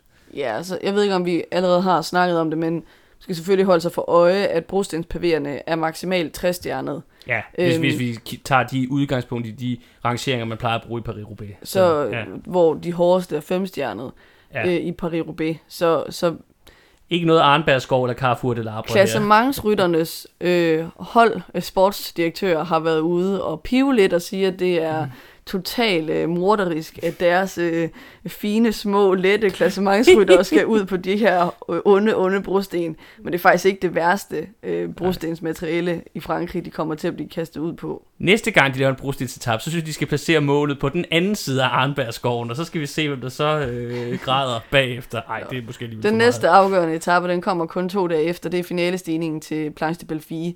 Øhm, og den er jo ikke særlig lang, den er 7 km, men den stiger øh, med 8,7% i gennemsnit, og den er bare fuldstændig brutal på toppen, hvor den har passager både med, med 20 og 24%, øh, og hvor der er den her sidste og stejleste del på grus. Ja. Øhm, og Pogacar, som sagt, han elsker den her stigning. øhm, og den er så stejl til sidst, at selv hvis man sidder og tænker, øv, løbet har ikke åbnet sig op endnu med to kilometer til mål, mm. så kan vi mm. stadigvæk godt se favoritterne smide både hele og halve minutter her, fordi når det bliver så stejlt, så kan man bare smide sindssygt meget tid på kort øh, strækning. Den næste, vi så øh, har valgt at fremhæve, det er så 11. etape. Den indeholder jo øh, den første af i alt to opkørsler i år af øh, berømte Col du Galibier. Øh, den her dag, der skal de op fra den side, hvor man først kører den her, hvad kan vi kalde det, sådan opvarmningsstigning, der hedder Col du Telegraf, som er en, en del egentlig af Galibier-stigningen også. Dy. Øh, Col du øh, Kold Dy Telegraf, øh, den er 11,9 km lang og har en gennemsnitlig stigningsprocent på 7,1. Og så kører man en lille smule ned, og så fortsætter man ellers op til Galibier af, af yderligere 17,7 km med 6,9 procent i, i gennemsnitlig stigning. Efter Galibier er nået, så skal der køres ned i dalen igen, inden de så slutter med opkørslen til Col du Granon, der er 11,3 km lang og har en gennemsnitlig stigning på 9,2. En ny stigning i tursammenhæng, men som man kan høre på både længde og stigningsprocent, en øh, rigtig kras børste i en af slagsen som også hedder Col du Granon. Ja, ja, ja. ja. Men er vel dansker. Ja, det er ikke lige så nemt som at sige Côte de Kolding, var. Nej, det er det virkelig ikke. Øh, ja, så kommer 12. etape, øh, og hvis man skal se en etape, så skal det måske være den, fordi ja. det er jo nærmest løbets kongeetappe, der kommer allerede her. Det er kongeetappen. Øhm, og det er jo det, er det, jeg mener med, øh, at man kan sige, at, at man ligesom har det her forskudte øh, sådan toppunkt øh, ind mm. midt i løbet, fordi det er løbets nok kongeetappe, det er den franske Bastille-dag, hvor alle franskmænd allerhelst vil vinde, og de slutter op af Alpe d'Huez øh, med de her berømte 21 øh, hårdlålesving øh, efter 13,8 km med 8,1 procent i snit. Og undervejs, der skal de altså øh, over øh, Galibier øh, fra den anden side, hvor man kører meget langt, men ikke så stejlt, 23 km med, med 5,1% i snit, og så over Col de Croix de Fer, øh, 29 km lang med 5,1% i snit. Så det er altså nogle lange, udmavende stigninger, de har i benene, inden de så rammer Alpe d'Huez, som så ikke er lige så langt, men bare er modbydeligt stejl. Col de la Croix de Fer. Koldt og de Det bliver bare trukket lidt sammen. ja, du ved, det er fint. franskmændene taler hurtigt, trækker ting sammen. Jeg tror, vi skal der var skynde, et jeg tror, vi skal skynde os videre, inden der går øh, fransk sprogskole i, i denne her sådan, uh, etape fremhævningsdel af programmet. Jeg vil gå videre med, med 17. etape, som er uh, den anden af de tre Pyrenæer-etapper. Der skal de over tre solide kategori 1-stigninger i form af Col d'Aspang, uh, som jo også er en legendarisk turstigning, er blevet kørt rigtig mange gange, og var også en af de første, der var med helt tilbage i 1910'erne. Den er 12 km lang og har en gennemsnitlig stigning på 6,5%. Så kommer Col de Val Laurent Assé, øh, umiddelbart efter den, den er 10,7 øh, km lang og har en gennemsnitlig stigning på 6,8%. Øh, øh, og så har vi så finalestigningen op til Périgueux, som er 8 km lang og har 7,8% i snit. Men ligesom Planche de Belfi er den så også især giftig med procenterne til sidst, Øh, og så i øvrigt er der en kategori 2 stigning, der heller ikke er Kimsag, også undervejs på den her etape. Så en, en rigtig hård anden dag i Pyreneerne, men øh, ikke lige så hård som finalen, der venter dagen efter. Og det er så øh, 18. etape, som øh, er den sidste bjergetappe i årets løb, og der skal vi over endnu et øh, kendt turbjerg, nemlig Col du Bisque, som øh, er øh, uden for kategori 16,4 km langt med 7,1% i snit. Så kommer den noget mindre kendte Col de Spandel, tror jeg det skal udtales, som er 10,3 km lang og har en gennemsnitlig stigning på 8,3%. Og så kommer så finalen på Otakam, 13,6 km med 7,8% i snit. Også en stigning, der lidt ligesom Algiers, godt nok ikke har lige så mange hårdnålsving, men procenterne undervejs er bestemt lige så skræmmende. Ja, jeg synes, det eneste, man kan sige om, om de her etapper, det er, at fordi de ligger back-to-back, 11. og 12. etape og 17. og 18. etape, så kan man godt frygte, at øh, på 11. og 17. vil der måske ikke blive kørt helt igennem, fordi man godt ved, at man har den næste store bjergetappe dagen efter. Mm. Øh, så, så de ved jo godt, rytterne, at hvis de går dybt den ene dag, jamen, så er der en regning, der skal betales bag, dagen efter. Øh, så det kan godt betyde, at der er nogen, der kommer til at, at ja. holde lidt i bremsen øh, på de etapper. Ja, fordi øh, Alpe og eller Otakam kan, kan straffe dig øh, brutalt og hårdt, og, og ind med at ødelægge dine, dine chancer fuldstændig, hvis ikke du er klar til dem. Så, øh, øh, og også, altså, man kan sige, hvis man igen lige skal vende tilbage til Bjarne Ries øh, sejr i 96, det der var specielt ved etappen den dag, da han vandt på Otakam, det var, at det havde været sådan en etape, som minder meget om den måde, de også tit kører Mont Ventoux på, hvor der har været fuldstændig fladt hen til stigningen, og så kørte de opad. Her der er der jo altså også meget, meget giftige stigninger undervejs hen til, så man kan virkelig nå at være kogt allerede inden den her drablige finale. Så det mm. handler også om at, at disponere kræfterne rigtigt, ellers så kan det gå rigtig, rigtig galt. Ja, altså omvendt kan man sige, der er også nogen, der siger, at det er værre at køre flat en hel dag, og så køre op til sidst, fordi at det kan ja. være svært med den der omstilling det, til ben. Altså, det er sådan en smag og behag også. Helt sikkert. Men den sidste etape, vi skal pege på, 20. etape, 40,7 km enkeltstart, som afslutter med 1,5 km opad med, med 7,8% i snit. Øh, så hvis øh, ikke at klassementet er låst fuldstændig fast, og der er en, der bare er mange minutter foran, så kan det altså blive et kæmpe drama her. Ikke, ikke mindst fordi, at de tre topfavoritter, øh, Roglic, Pogacar og Vingegaard, alle sammen har meget solide enkeltstartsevner. Øhm, så det kan blive vildt afgørende, hvem af dem, der så har noget tilbage i tanken øh, efter så lang og hård en tur, og med så lang en enkeltstart, hvis de ligger nogenlunde øh, tæt på hinanden i klassementet. Hmm. Scenen er sat. Det bliver vanvittigt spændende. Rammerne kunne nærmest ikke være bedre. Det er en vanvittig god turrute, vi har i år. Nu har vi talt om alt, alt det omkring. Nu skal vi til at fokusere på aktørerne, dem der rent faktisk skal spille de afgørende roller i årets Tour de France. De første ryttere, vi vil fokusere på, er, som det nærmest er blevet en tradition, når vi laver de her programmer, øh, selvfølgelig dem, som gør sig på de flade etapper, det vil sige især sprinterne, og nok også de ryttere, der især kan gøre sig i kampen om den grønne pointtrøje. Og her er det jo oplagt at starte med øh, Quickstep, som jo er sprinterholdet par excellence, når vi snakker Tour de France. I hvert fald har været det i de senere år. Det var i hvert fald også dem, der fik flest etappesejre i spurter sidste år, og den grønne trøje med uh, Mark Cavendish. Men, ja, Ja. Og man kan sige, at på den baggrund er det jo også lidt kontroversielt, at de har valgt ikke at udtage Mark Cavendish. Det er lige blevet bekræftet i dag, at øh, Mark Cavendish altså ikke er på startstregen i København øh, på fredag, fordi at de vil øh, satse på deres øh, yngre sprinter Fabio Jacobsen. Øh, og det har de jo meldt ud øh, hele tiden, kan man sige. Øh, men, men det, der hører med til historien, er, at Fabio Jacobsen har nok ikke haft en lige så god sæson, som man lige umiddelbart kunne have regnet med. På papiret er han nok øh, i hvert fald en af de bedste sprinter, hvis ikke den bedste sprinter i feltet lige nu. Men øh, der har sådan været øh, lidt uheld og sådan underperformance øh, i hans forårssæson, synes jeg. Han har heldigvis fået en, øh, en sejr her i optakten, som jo er vigtigt øh, i forhold til det her med, at sprinterne gerne skal have selvtillid. Men jeg tænker, at der kommer på en eller anden måde til at ligge noget pres øh, på ham, dels fordi at han jo skal ind og bekræfte, at det var rigtigt af dem at satse på ham i stedet for Cavendish, og også fordi at Quickstep har haft den her rigtig dårlige sæson indtil nu, så de har virkelig brug for, at de får mm. et succes Tour de France, hvor de kan hive to, tre, måske også fire etappesejre med hjem, som de jo har, har været vant til, at de kan nogle mm. år i hvert fald øh, ved at, at køre godt øh, på sprinteretapperne.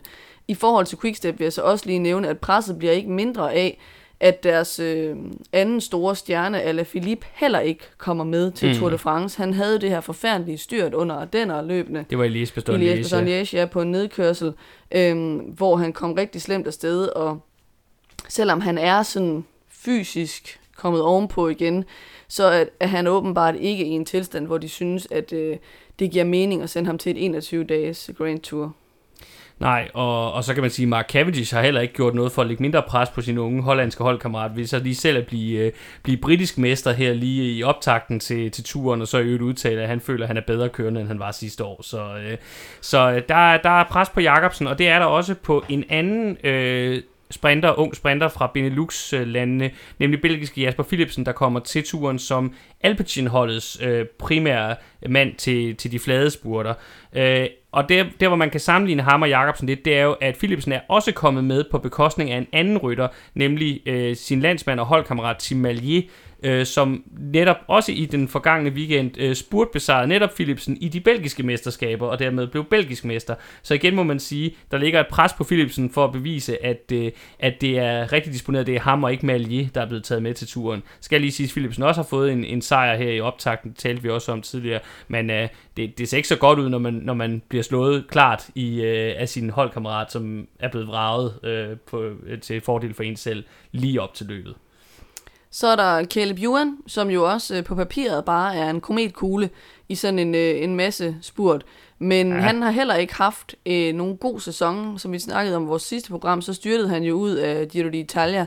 Øh, så han er også en mand, der, der er ude og lede efter genrejsning, og kører også på et hold, øh, som øh, har brug for, at der kommer nogle point ind på kontoen, som vi, vi talte om i vores sidste program. Helt så der er også pres på ham for både at redde sin egen sæson og sit holds sæson. Ja, og måske også lidt sådan for alvor at komme, komme tilbage, fordi det er vel faktisk i Jurens tilfælde noget, der nærmest har stået på i to sæsoner det efterhånden, men han ikke rigtig har slået til. Øh, så, så det er også øh, en mand, der, der har noget, han skal bevise. Og det har Dylan Kronevæggen fra øh, Bike Exchange-holdet også. Også et hold i øvrigt, der har brug for point. Øh, og øh, han er også jo i gang med at arbejde sig tilbage ovenpå, at han overhovedet er kommet ind i sporten igen, apropos øh, øh at han jo har været ude og været øh, lagt for had og, og, og været, hvad hedder det, ligesom også været i karantæne på grund af, at det styrt, han for, forvoldte, øh, far, forvoldte over for Fabio Jacobsen, der jo var tæt på at koste Jacobsen både livet og karrieren og, og så videre. Øh, så, så det er også en mand, der ligesom, ligesom skal genrejse sig, og, og man kan sige, at han har også vundet et løb her op til, eller vundet en etape i et af forberedelsesløbene, men øh, han har den udfordring af hans unge øh, holdkammerat Caden Groves, øh, som i øvrigt er australier, øh, hvilket hans øh, hold også er, altså kører på australsk licens. Og der er nok også nogen, der snakker om, om, om det er den rigtige disponering, at det er Grunevikken og ikke Groves, der er taget med her til turen, når man ser på, hvordan deres sæsoner har været. Mm, der kan jeg så godt forstå, at de vælger Grunevikken, fordi øh, jo, Groves har haft en god sæson, men han har også kørt løb på lavere niveau. Det er øh, Så jeg tror, hvis jeg gerne vil have en sejr i Tour de France, i stedet for øh, fem top 5 placeringer, mm. så vil jeg også vælge at tage Kronevæggen med. Øh, noget, jeg så synes, man kan sige, kendetegner alle de rytter, vi har snakket om indtil videre, det er, at de kommer måske ikke ind med kæmpe meget selvtillid. De har i hvert fald alle sammen noget, de skal bevise. Mm. Men en, jeg tror, kommer ind med masser af selvtillid, det er danske ja. Mads Pedersen. Øhm, fordi han er nok i hvert fald øh, den af dem her, der har haft øh, det bedste forår. Øhm, og han har virkelig slået til i, i øhm, sprinter-afgørelserne, øh, når han har fået øh, mm. chancen. Øh, spørgsmålet er selvfølgelig, om han er hurtig nok, når han kommer op imod de allerbedste sprinter, fordi han har måske mest vundet sine sprintsejre øh, i felter, hvor, hvor de her øh, allerbedste øh, supersprinter ikke har været til start. Øh, men jeg tror, at han selv tror på det, og det betyder meget. Og han har den fordel, at han er en lille smule mere hårdfør end nogen af dem, rigtigt. fordi han er klassikerrytter. Der vil være dage, tror jeg, hvor nogle af de andre bliver sat øh, enten på, øh, på kategori 4 stigninger eller i sidevind. Mm. Hvor Mads Pedersen vil sidde med hjem, og så har han altså rigtig gode kort på hånden. Ja, og, og så er han jo på hjemmebane her i starten. Det, det må også bare øh, betyde noget og give, nogle, øh, give et rygstød i forhold til at, at gå ud og, og bevise sig. Øh, så det bliver meget, meget spændende at se, hvad han kan gøre sig i, i duel med, med de fire andre, vi har nævnt. Et par andre navne, lige hurtigt vil nævne, som vi nok vil komme til at se blande sig i massespurterne, men som øh, vores chancen for, at de vinder en etape nok er lidt mindre, det er god gamle Alexander Kristoff, som vi jo har talt om, har haft en flot sæson, men han er nok bare ikke den hurtigste, øh, i hvert fald ikke i, i starten af løbet, skal vi ikke forvente. Så er der Brian Kokar, som jo nok kommer som det bedste franske bud til, til spurterne for, for Kofidi-holdet. Nasser Buhani er ikke udtaget, så vidt jeg ved, fra Akea, så, så det er Øh, det er nok Kokara, franskmændene skal hænge deres hat på, selvom at en sejr nok ikke er så sandsynlig. Og så er der jo italienske Alberto Dainese, som jo ovenpå, at han vandt en etape i Sion, til synligheden har slået Kees Bola-pinden som øh, DSM-holdets primære mand til, til spurterne, og derfor er han også udtaget. Igen også interessant at se, om han kan følge op på, på Gion. Og så synes jeg, vi måske skal pege på et bemærkelsesværdigt fravær, som er irske Sam Bennett, der altså ikke er kommet med på Boras hold, til trods for, at han egentlig har gjort det rimelig fint i foråret, og som vi snakkede om i vores sidste program, har, har vist, at han ligesom har fået karrieren back on track. Øh, mm. Men det handler simpelthen om, at de har valgt at gå all in for øh, deres klassementskaptajn Alexander Vlasov, så de har simpelthen valgt at sige, så er der ikke øh, tid og plads til, at vi også kan bruge krudt på at, at trække øh, udbrud hjem på flade etapper, så vi kan få en, en masse sprint. Vi skal fokusere på at gøre det godt i klassementet det var sådan en gennemgang af de sådan reelle sprinter, de rigtige sprinter, dem som vi trods alt tror mest på, når det handler om deciderede massespurter. Men spørgsmålet er, om øh, den grønne trøje i år nok ikke har større chance for at ende hos en rytter, der måske er lidt mere hårdfører. Og der tænker jeg jo, der er især en, som, som er måske den største favorit til den, til den grønne trøje i år. Ja, det har vi jo allerede snakket om under Dauphiné gennemgangen, ikke? at øh, Jumbo Vismas øh, store mål er, at de skal både komme hjem med en gul trøje og den grønne trøje, og den grønne trøje skal selvfølgelig sidde på skuldrene af Wout van Aert. Øhm, og jeg synes også bare klart, at han er den største favorit, fordi vi har jo set, at han kan rent faktisk godt øhm, slå i hvert fald nogle af de hurtigste i en masse mm. spurt. Vi har også set, øh, at han ikke rigtig kunne få skål under Mads Pedersen faktisk øh, tidligere på foråret, når de mødte mm. hinanden i direkte ja, sprinterduel, hvilket jo var, var rigtig fedt at se med danske øjne.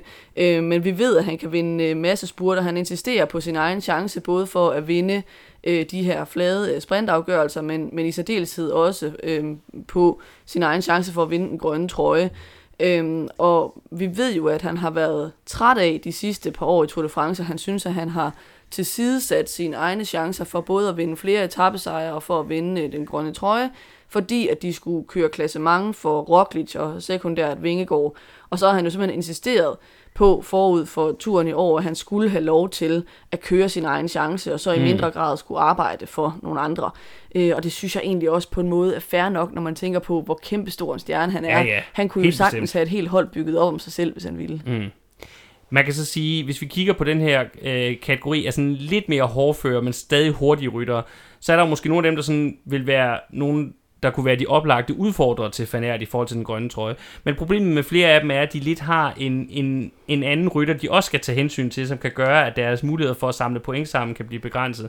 Altså Fanerts øh, evige rival Mathieu van der Poel er jo med, og er jo en mand, der kan udfordre og også slå Fanert i de her reducerede spurter. Men i modsætning til Fanert, så har han jo altså Jasper Philipsen at skulle tage hensyn til at også køre for i de regulære massespurter. Så der vil det nok være begrænset, hvor mange point en, en Van der kan samle sammen. Og man kan sige, at det er lidt samme historie med Michael Matthews, uden at jeg så vil sige, at Michael Matthews jo så nok heller ikke bare er i nærheden af at kunne, kunne presse Fanært, hvis vi skal være ærlige. Men igen, han har jo tidligere vundet den grønne trøje, men han har så Dylan Kronevigen, han skal tage hensyn til øh, i, i massespurterne. Så igen vil han nok også blive begrænset i forhold til, hvor meget han kan samle sammen af point. Så jeg vil sige, den største trussel for mig at se til Fanært, øh, i forhold til at vinde den grønne trøje. Og det vil jeg ikke have troet, at jeg skulle sidde og sige her, inden, øh, hvis vi havde snakket om det inden sæsonstarten. Men det er faktisk god gamle Peter Sagan, fordi han har set rigtig fin ud heroppe i optakten til løbet. Han vandt en etape i Schweiz rundt, kom så desværre hjem med corona. Det er vist jo tredje gang, at han tester positiv for han corona. Han er meldt rask igen. Han er meldt rask igen, og formentlig har det ikke været noget særligt hårdt forløb.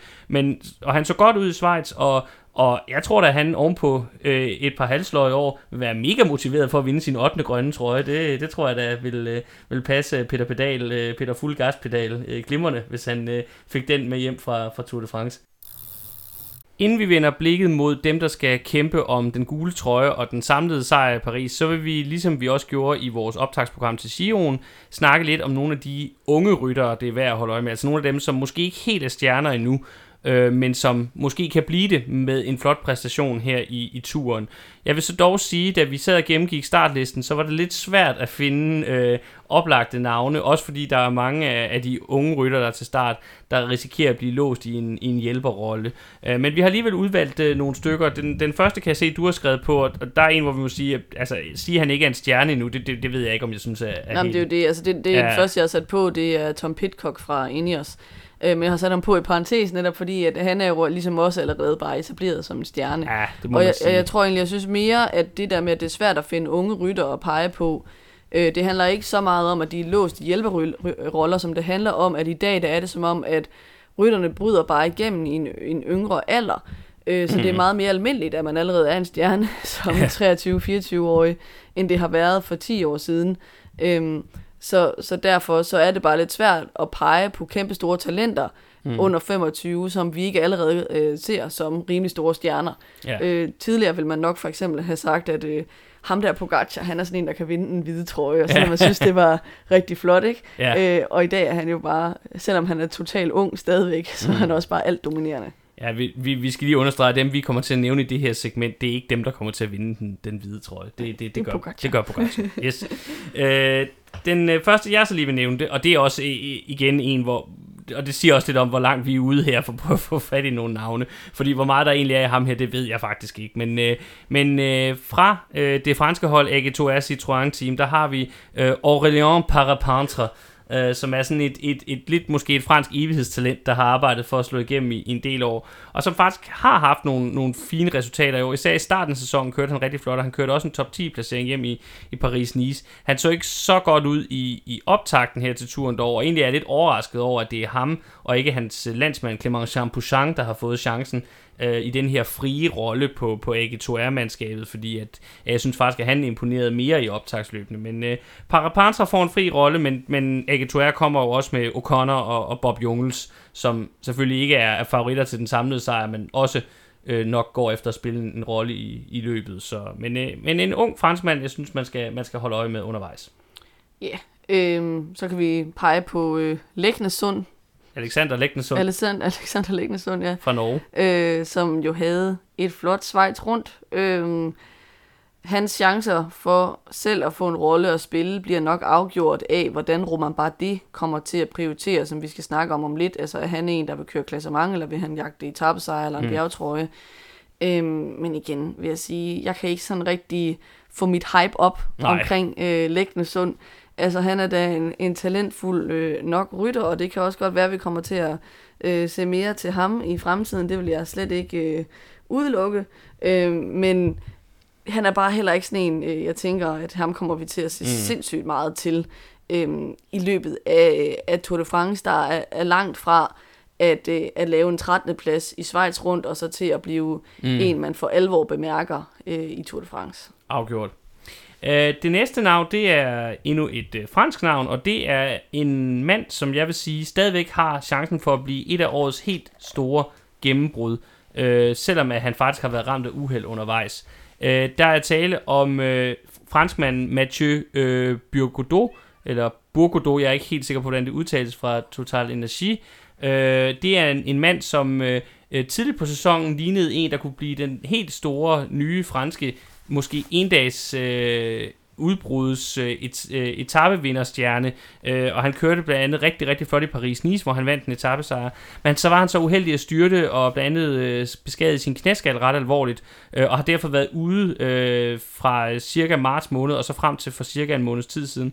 Men han er tilbage nu, han har kørt opvarmningsløbene, og så egentlig rigtig, rigtig øh, skarp ud der også, eller så i hvert fald ud til at være en mand, der var på vej tilbage til den form, vi så tidligere på sæsonen. Så hvis han virkelig har, har timet øh, det helt rigtigt her til sin første Tour de France i øvrigt, så tænker jeg, at han er en, vi skal holde øje med på især mellemetapperne. Øh, måske nogle udbrud, måske nogle af de dage, hvor det slutter op ad en mur. Han, han kan godt blive, øh, blive giftig, og det her med, øh, med at blive det helt store sæsongennembrud som den nye franske etappejæger, det, øh, det er bestemt til stede stadigvæk. Ja, ham tror jeg egentlig mere på, at vi kommer til at se en øh, Paja Pantra eller Lægne Sundt. Øhm, en sidste, vi også kunne pege på, det er danske øh, Andres Kron, synes jeg. Øhm, det er sjovt at tænke på, at han faktisk er en lille smule ældre end Tadej Pogacar. Øhm, men øhm, Mm. han øh, er et af de mere interessante nye danske navne, øh, synes jeg. Øh, han er en lidt anden ryttertype end dem, der ellers er kommet frem af danskere de seneste år. Altså han er jo ikke øh, en, der kan blande sig i sprinterne. Han er heller ikke øh, bjergrytter, ligesom Vingegaard, der kan drømme om at, at vinde samlet. Men han er rigtig dygtig til at ramme øh, de afgørende udbrud, synes jeg. Øh, han gjorde det virkelig, virkelig flot i Schweiz rundt, øh, hvor han øh, var meget tæt på at kunne køre sig i øh, den gule trøje undervejs i løbet. Ikke at han var tæt på at vinde samlet, men han kunne måske godt på nogle af mellemetapperne, hvis han havde haft lidt held i sprøjten, have overtaget den gule trøje og kørt i den nogle dage. Øhm, han har været ramt af corona, så det kan måske komme til at, at spille en rolle. Men øh, jeg tror helt klart, at, at hvis han er øh, på startstregen og frisk, øh, så kommer vi til at se ham jagt udbrud. Og jeg tror også godt, at, øh, at vi kan regne med at komme til at se ret meget til ham. Nu kan vi ikke trække den længere. Nu skal vi til at kigge på, hvem vi ser som de helt store favoritter til at blive årets samlede vinder af Tour de France, og dermed bærer af den gule trøje i Paris om cirka tre uger. Og jeg tænker meget oplagt, der er vel en, det er mere relevant at starte med end alle de andre, og det er den dobbelte forsvarende vinder. Der er jo ikke nogen tvivl om, at Pogacar er manden, man skal slå, hvis man gerne vil stå øverst på, øh, på podiet, når vi kommer frem til Paris. Øh, og jeg synes, at noget, som øh, stiller ham endnu bedre end de forgangne to år, det er, at han faktisk har et stærkere hold omkring sig. Øh, de har blandt andet hentet George Bennett over som luksushjælperytter, som jo øh, er hentet direkte hos rivalerne fra Jumbo Visma. Mm. Øh, Udover ham, så har han Brandon, Brandon McNulty, som også selv er en dygtig etabløbsrytter. Så er der Rafael Majka, som han lige har været øh, nede og, og lave badeferie i Slovenien med. Øhm, og så er der Max Soler, som også er, er en rimelig hederlig bjergrytter.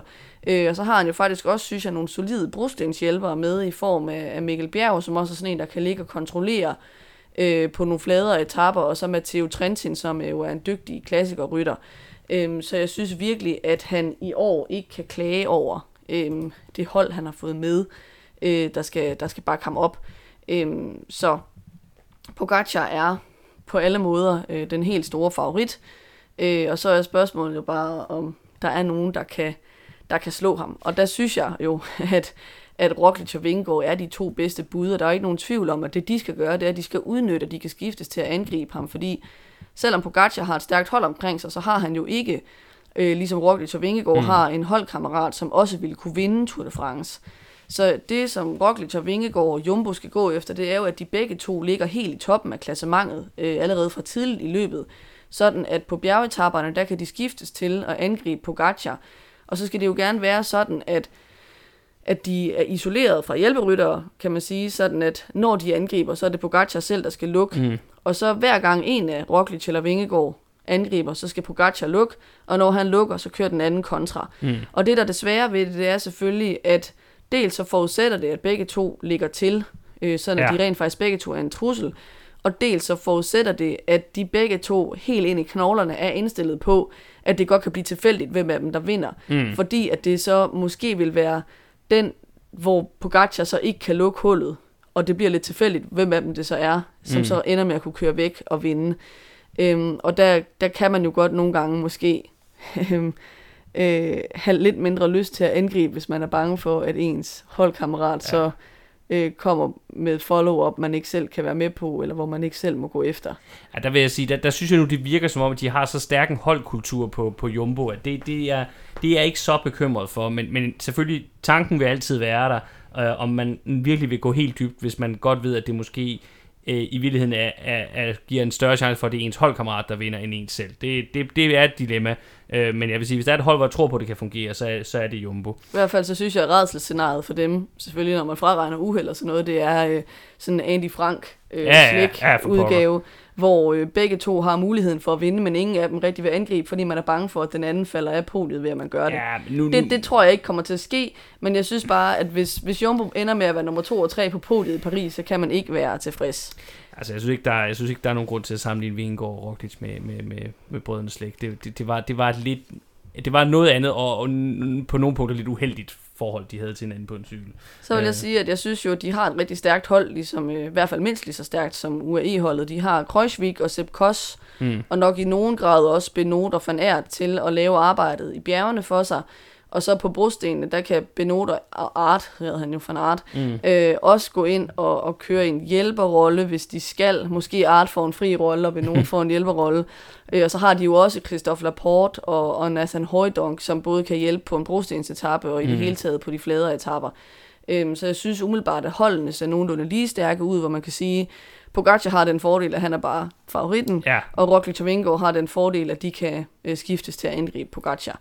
Og så det, de alle tre nok skal være bevidste om, det er, at det må ikke øh, ende i sådan en form for deadlock, hvor de sidder og glor på hinanden, og så lader nogle andre køre, øh, og det så ender med, at ingen af dem kan vinde, fordi mm. at der er nogen, der har fået lov at køre væk, fordi de sidder og kigget på hinanden. Øh, skal jeg lige starte med igen. Undskyld, hvis vi kommer til at kalde øh, Wout van Aert for Wout van Aert i løbet af det her program. Vi, vi øver os, vi skal nok blive bedre. Ikke, ikke hvis, at. at, yes. Øh, det tredje favorithold, om man så må sige, det må jo være øh, de tidligere så dominerende øh, Team Ineos. Hvor ser vi dem, eller hvor ser du dem her inden, øh, inden turstarten? Mm, jamen, jeg ser dem ikke noget vildt heldigt sted, fordi de mangler jo Bernal. Ja. Øh, og det ville jo være vildt fedt, hvis man kunne have fået den her øh, 3-4-vejs duel, mm. øh, hvor Bernal også var med inde i ligningen. Men han er jo stadig mærket af sit øh, forfærdelige styr tidligere på sæsonen. Øh, så det er jo sådan lidt en plan B, vi er ude i, hvor de har Jaron Thomas og Dani Martinez og Adam Yates til start, som alle tre i princippet ville kunne gå ind og, og tage en kaptajnrolle på sig. Og man kan sige, at man kan godt argumentere for, at de vil kunne gøre det samme, som Roglic og Vingegaard med at angribe på skift. Mm. Men jeg, jeg har bare svært ved at se et scenarie, hvor de alle tre rammer den rent. Jeg tror, at jeg skal være godt tilfreds, hvis der er en af de tre, der kan formå at melde sig ind i kampen om en podieplads. Jeg synes, det virker ret åbent lige nu, hvem af dem, der i sidste ende kommer til at være kaptajn. Altså som sagt, så så Jaron Thomas stærkest ud i Schweiz rundt, men selvfølgelig et svagere felt og på en overhovedet ikke lige så hård bjergrute. Øhm, lidt uklart, om Martinez er ramt af dårlig form, eller bare skulle indgå i en hjælperrolle. Yates udgik af, af Schweiz rundt med sygdom, inden da var han også udgået af Baskerlandet på grund af, af et styrt. Øh, så på den måde har det heller ikke været optimalt med optakten øh, for ham. Mm. Øh, så er de også øh, lidt ramt på holdet af, at øh, Kwiatkowski, som normalt er den vigtigste hjælperytter, luksushjælperytter, han er mm. ude med en skade i baglåret. Øh, så det er måske især Castroviejo, der skal have den der sliderrolle øh, i bjergene. De har nogle gode brostenshjælpere i form af Pitcock og Rowe. Øh, Garner kan også trække, øh, trække et stort læs ud over, at han skal køre enkeltstarterne for at vinde. Øhm, men altså, jeg, jeg tror ikke på, at der er nogen af dem fra Ineos, der kan vinde løbet, hvis ikke det er fordi, at de andre er ramt af uheld. Mm. Øhm, så, så på den måde ser jeg mere Ineos som podiekandidater.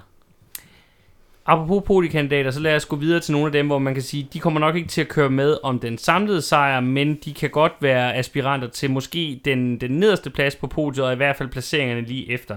Og det er jo øh, især de hold, der har været tættest på de tre øh, mest dominerende hold øh, i løbet af sæsonen, det er værd at snakke om her. Øh, vi kunne starte med øh, Bahrein-mandskabet, som jo stiller til start med Jack Hague og Damiano Caruso, som jo blev nummer 4 og 5 i, i Dauphiné. Øh, og det er jo, må man sige, solide Grand Tour-ryttere, der også øh, begge to har kørt på podiet tidligere i, i Grand Tours. Øh, man kan sige, at... Øh, øh, øh Caruso gjorde det sidste år i, i Giroen og, og Hague i Vueltaen niveauet er jo bare højere i turfeltet, så om de kan, kan kravle sig op på tredjepladsen, en af dem her, det, det bliver nok svært, men, men man skal ikke afvise det. De har i hvert fald vist, de har formatet til at være med deroppe af. Altså vil jeg sige, så er der nogle andre, der skal udgå i løbet i hvert fald, hvis det skal ske. Det og Caruso, vil komme meget bag på mig. Og Caruso jo et uh, still going strong. Han er 34, men han har stadigvæk niveauet. Det, det, det er der ikke nogen tvivl jeg, jeg synes, en, jeg bedre kan se uh, levere en regulær overraskelse, altså hvor det ikke er på grund af nogle andres uheld, det er Alexander Vlasov mm. fra Bora-holdet. Fordi han har virkelig taget et skridt op i år, synes jeg, efter han skiftede til Bora, blandt andet med sin sejr i Romandiet rundt, og han lignede jo også en, der kunne have vundet Schweiz rundt, inden han lavede den her øh, mm. positive øh, coronatest. Han mangler godt nok at køre på et Grand Tour podie nu, i modsætning til de andre, men han kom tæt på sidste år med en fjerdeplads i Giro d'Italia. Og man må sige, at holdet har i hvert fald vist ham en kæmpe tillid ved, ved at gøre ham til ene øh, klassementskaptajn. De havde jo tre med ombud i Giroen øh, med Keldermann og Buchmann og Jai Hindley. Her er det hele bygget op om Vlasov, og i en grad, hvor som sagt, de ikke engang har givet plads til en sprinter, som vil kunne være sådan en form for øh, øh, plan B, eller noget, der alligevel kunne sikre en succes, hvis man fik nogle etappesejre med hjem.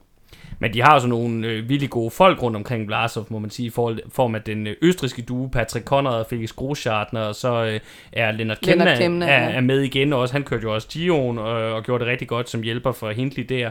Og, og så har de også en, en, bare en, en all-round solid mand i, i Schachmann, øh, og virkelig også Pollitt, der lige er blevet tysk mester øh, til at bakke op. Så, så det er også et rigtig stærkt hold, faktisk. Nok også stærkere end Bahrein i virkeligheden, selvom at, at Larsov så her er meget klar ene kaptajn. Mm, og igen viser det det her med, at de har helt klart valgt at sige, efter de gik af med Sagan, nu er vi et klassementshold. Ja, og det lever de op til, og det går de 100% efter. Respekt for det.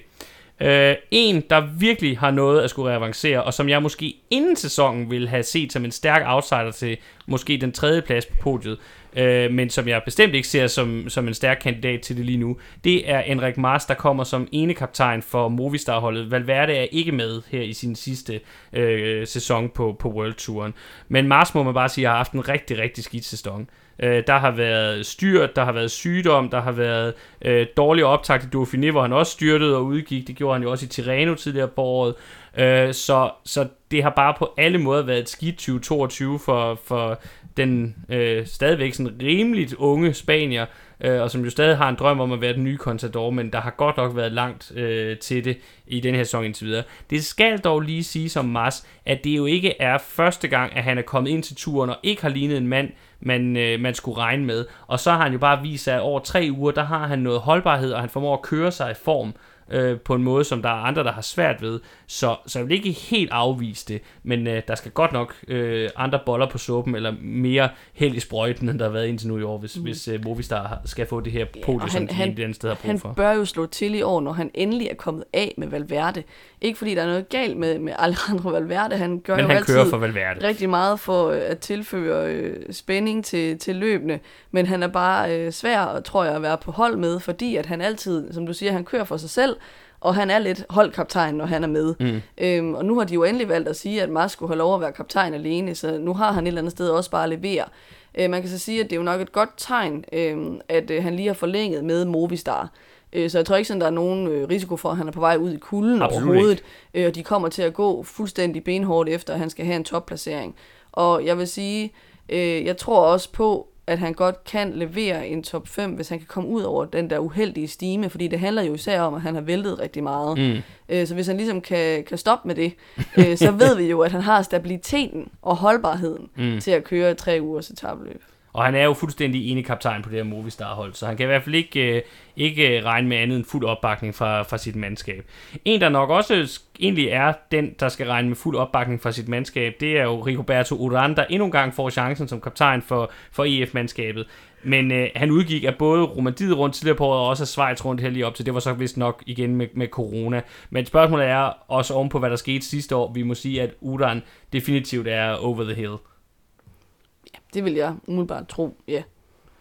Øh, og så kan man så sige, at, at det der så måske er jokeren for EF, det er, at de har ham her, øh, det øh, portugisiske Ruben Guerrero, der jo gjorde det rigtig godt i Dauphiné, så måske kan være en overraskelse. Men der skal vi, vil jeg nok sige, skal vi igen lige huske på det her med, at der er altså forskel på at gøre det rigtig godt i et ugetabløb, og så i et tre ugers øh, Grand Tour etabløb. Og man kan jo ikke sige, at de har jo ikke taget... Øh, øh, Esteban Chavez med, selvom han jo egentlig kørte rigtig flot, også i, i Dauphiné. Så, så den, den hænger nok på uderen, men, men spørgsmålet er, hvor meget der, der kommer ud af det. Ja, måske det er mere realistisk for dem at, at søge succes gennem etappesejre. For eksempel med mm. en Guerrero, der kunne gøre det i, i bjergetappe udbrud, og, og Kort, der kunne gøre det i, i det kuperede terræn. Helt afgjort. fra en reduceret spurt. Eller en Stefan Bisækker på, på enkeltstarten er også en, en mulighed. Så er der Nairo Quintana, som stiller op øh, som holdkaptajn for Arkea, som i udgangspunktet er den, der skal køre klassement øh, for.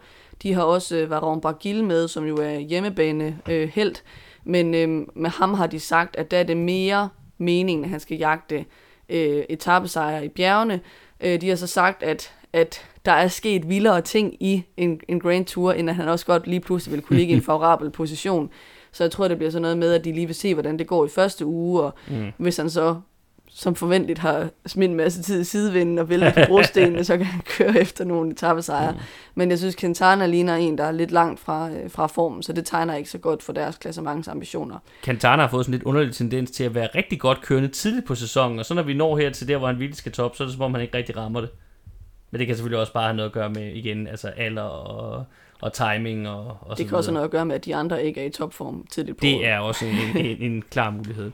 Apropos, øh, nu var vi jo inde på Arkea her, et fransk hold, så synes jeg, at der også er noget perspektiv i lige at snakke lidt om nogle af hjemmebanefavoritterne. Lad os starte med øh, en af dine, ved jeg jo, personlige favoritter. Romain Bardet, ja, som jo tidligere øh, var en af de helt store favoritter til at vinde Tour de France, øh, har også lavet øh, øh, podie flere gange i turen.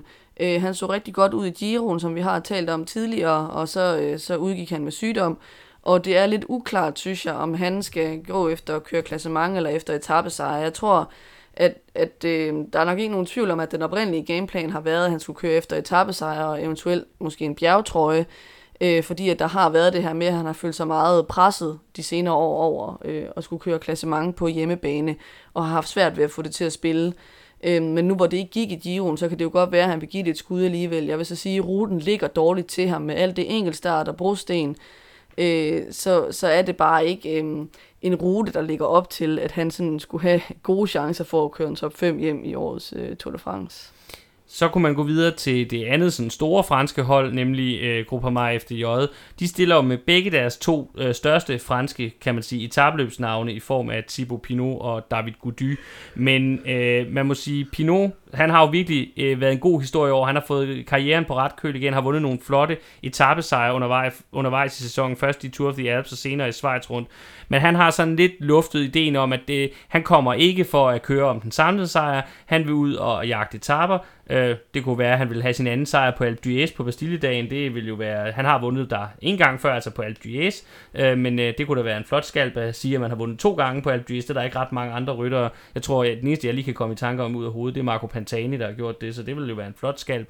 Og så ellers så køre efter den prikkede bjergtrøje, har han ligesom luftet. Så jeg tror, hvis øh, FDJ skal have noget i klassementet, så er det jo nok Gody, de skal, de skal satse på. Men på den anden side kan man sige, det er jo begrænset, hvad han har lavet af sådan samlede klassementsresultater, og ikke mindst i år. Og så er der tredje jul på holdet, som er uh, Michael Storer, som, som ikke er franskmand. Som ikke er franskmand, men som til gengæld var den store åbenbaring uh, i sidste års Vuelta i Spanien, hvor han jo både vandt to etapper og også to bjergtrøjen.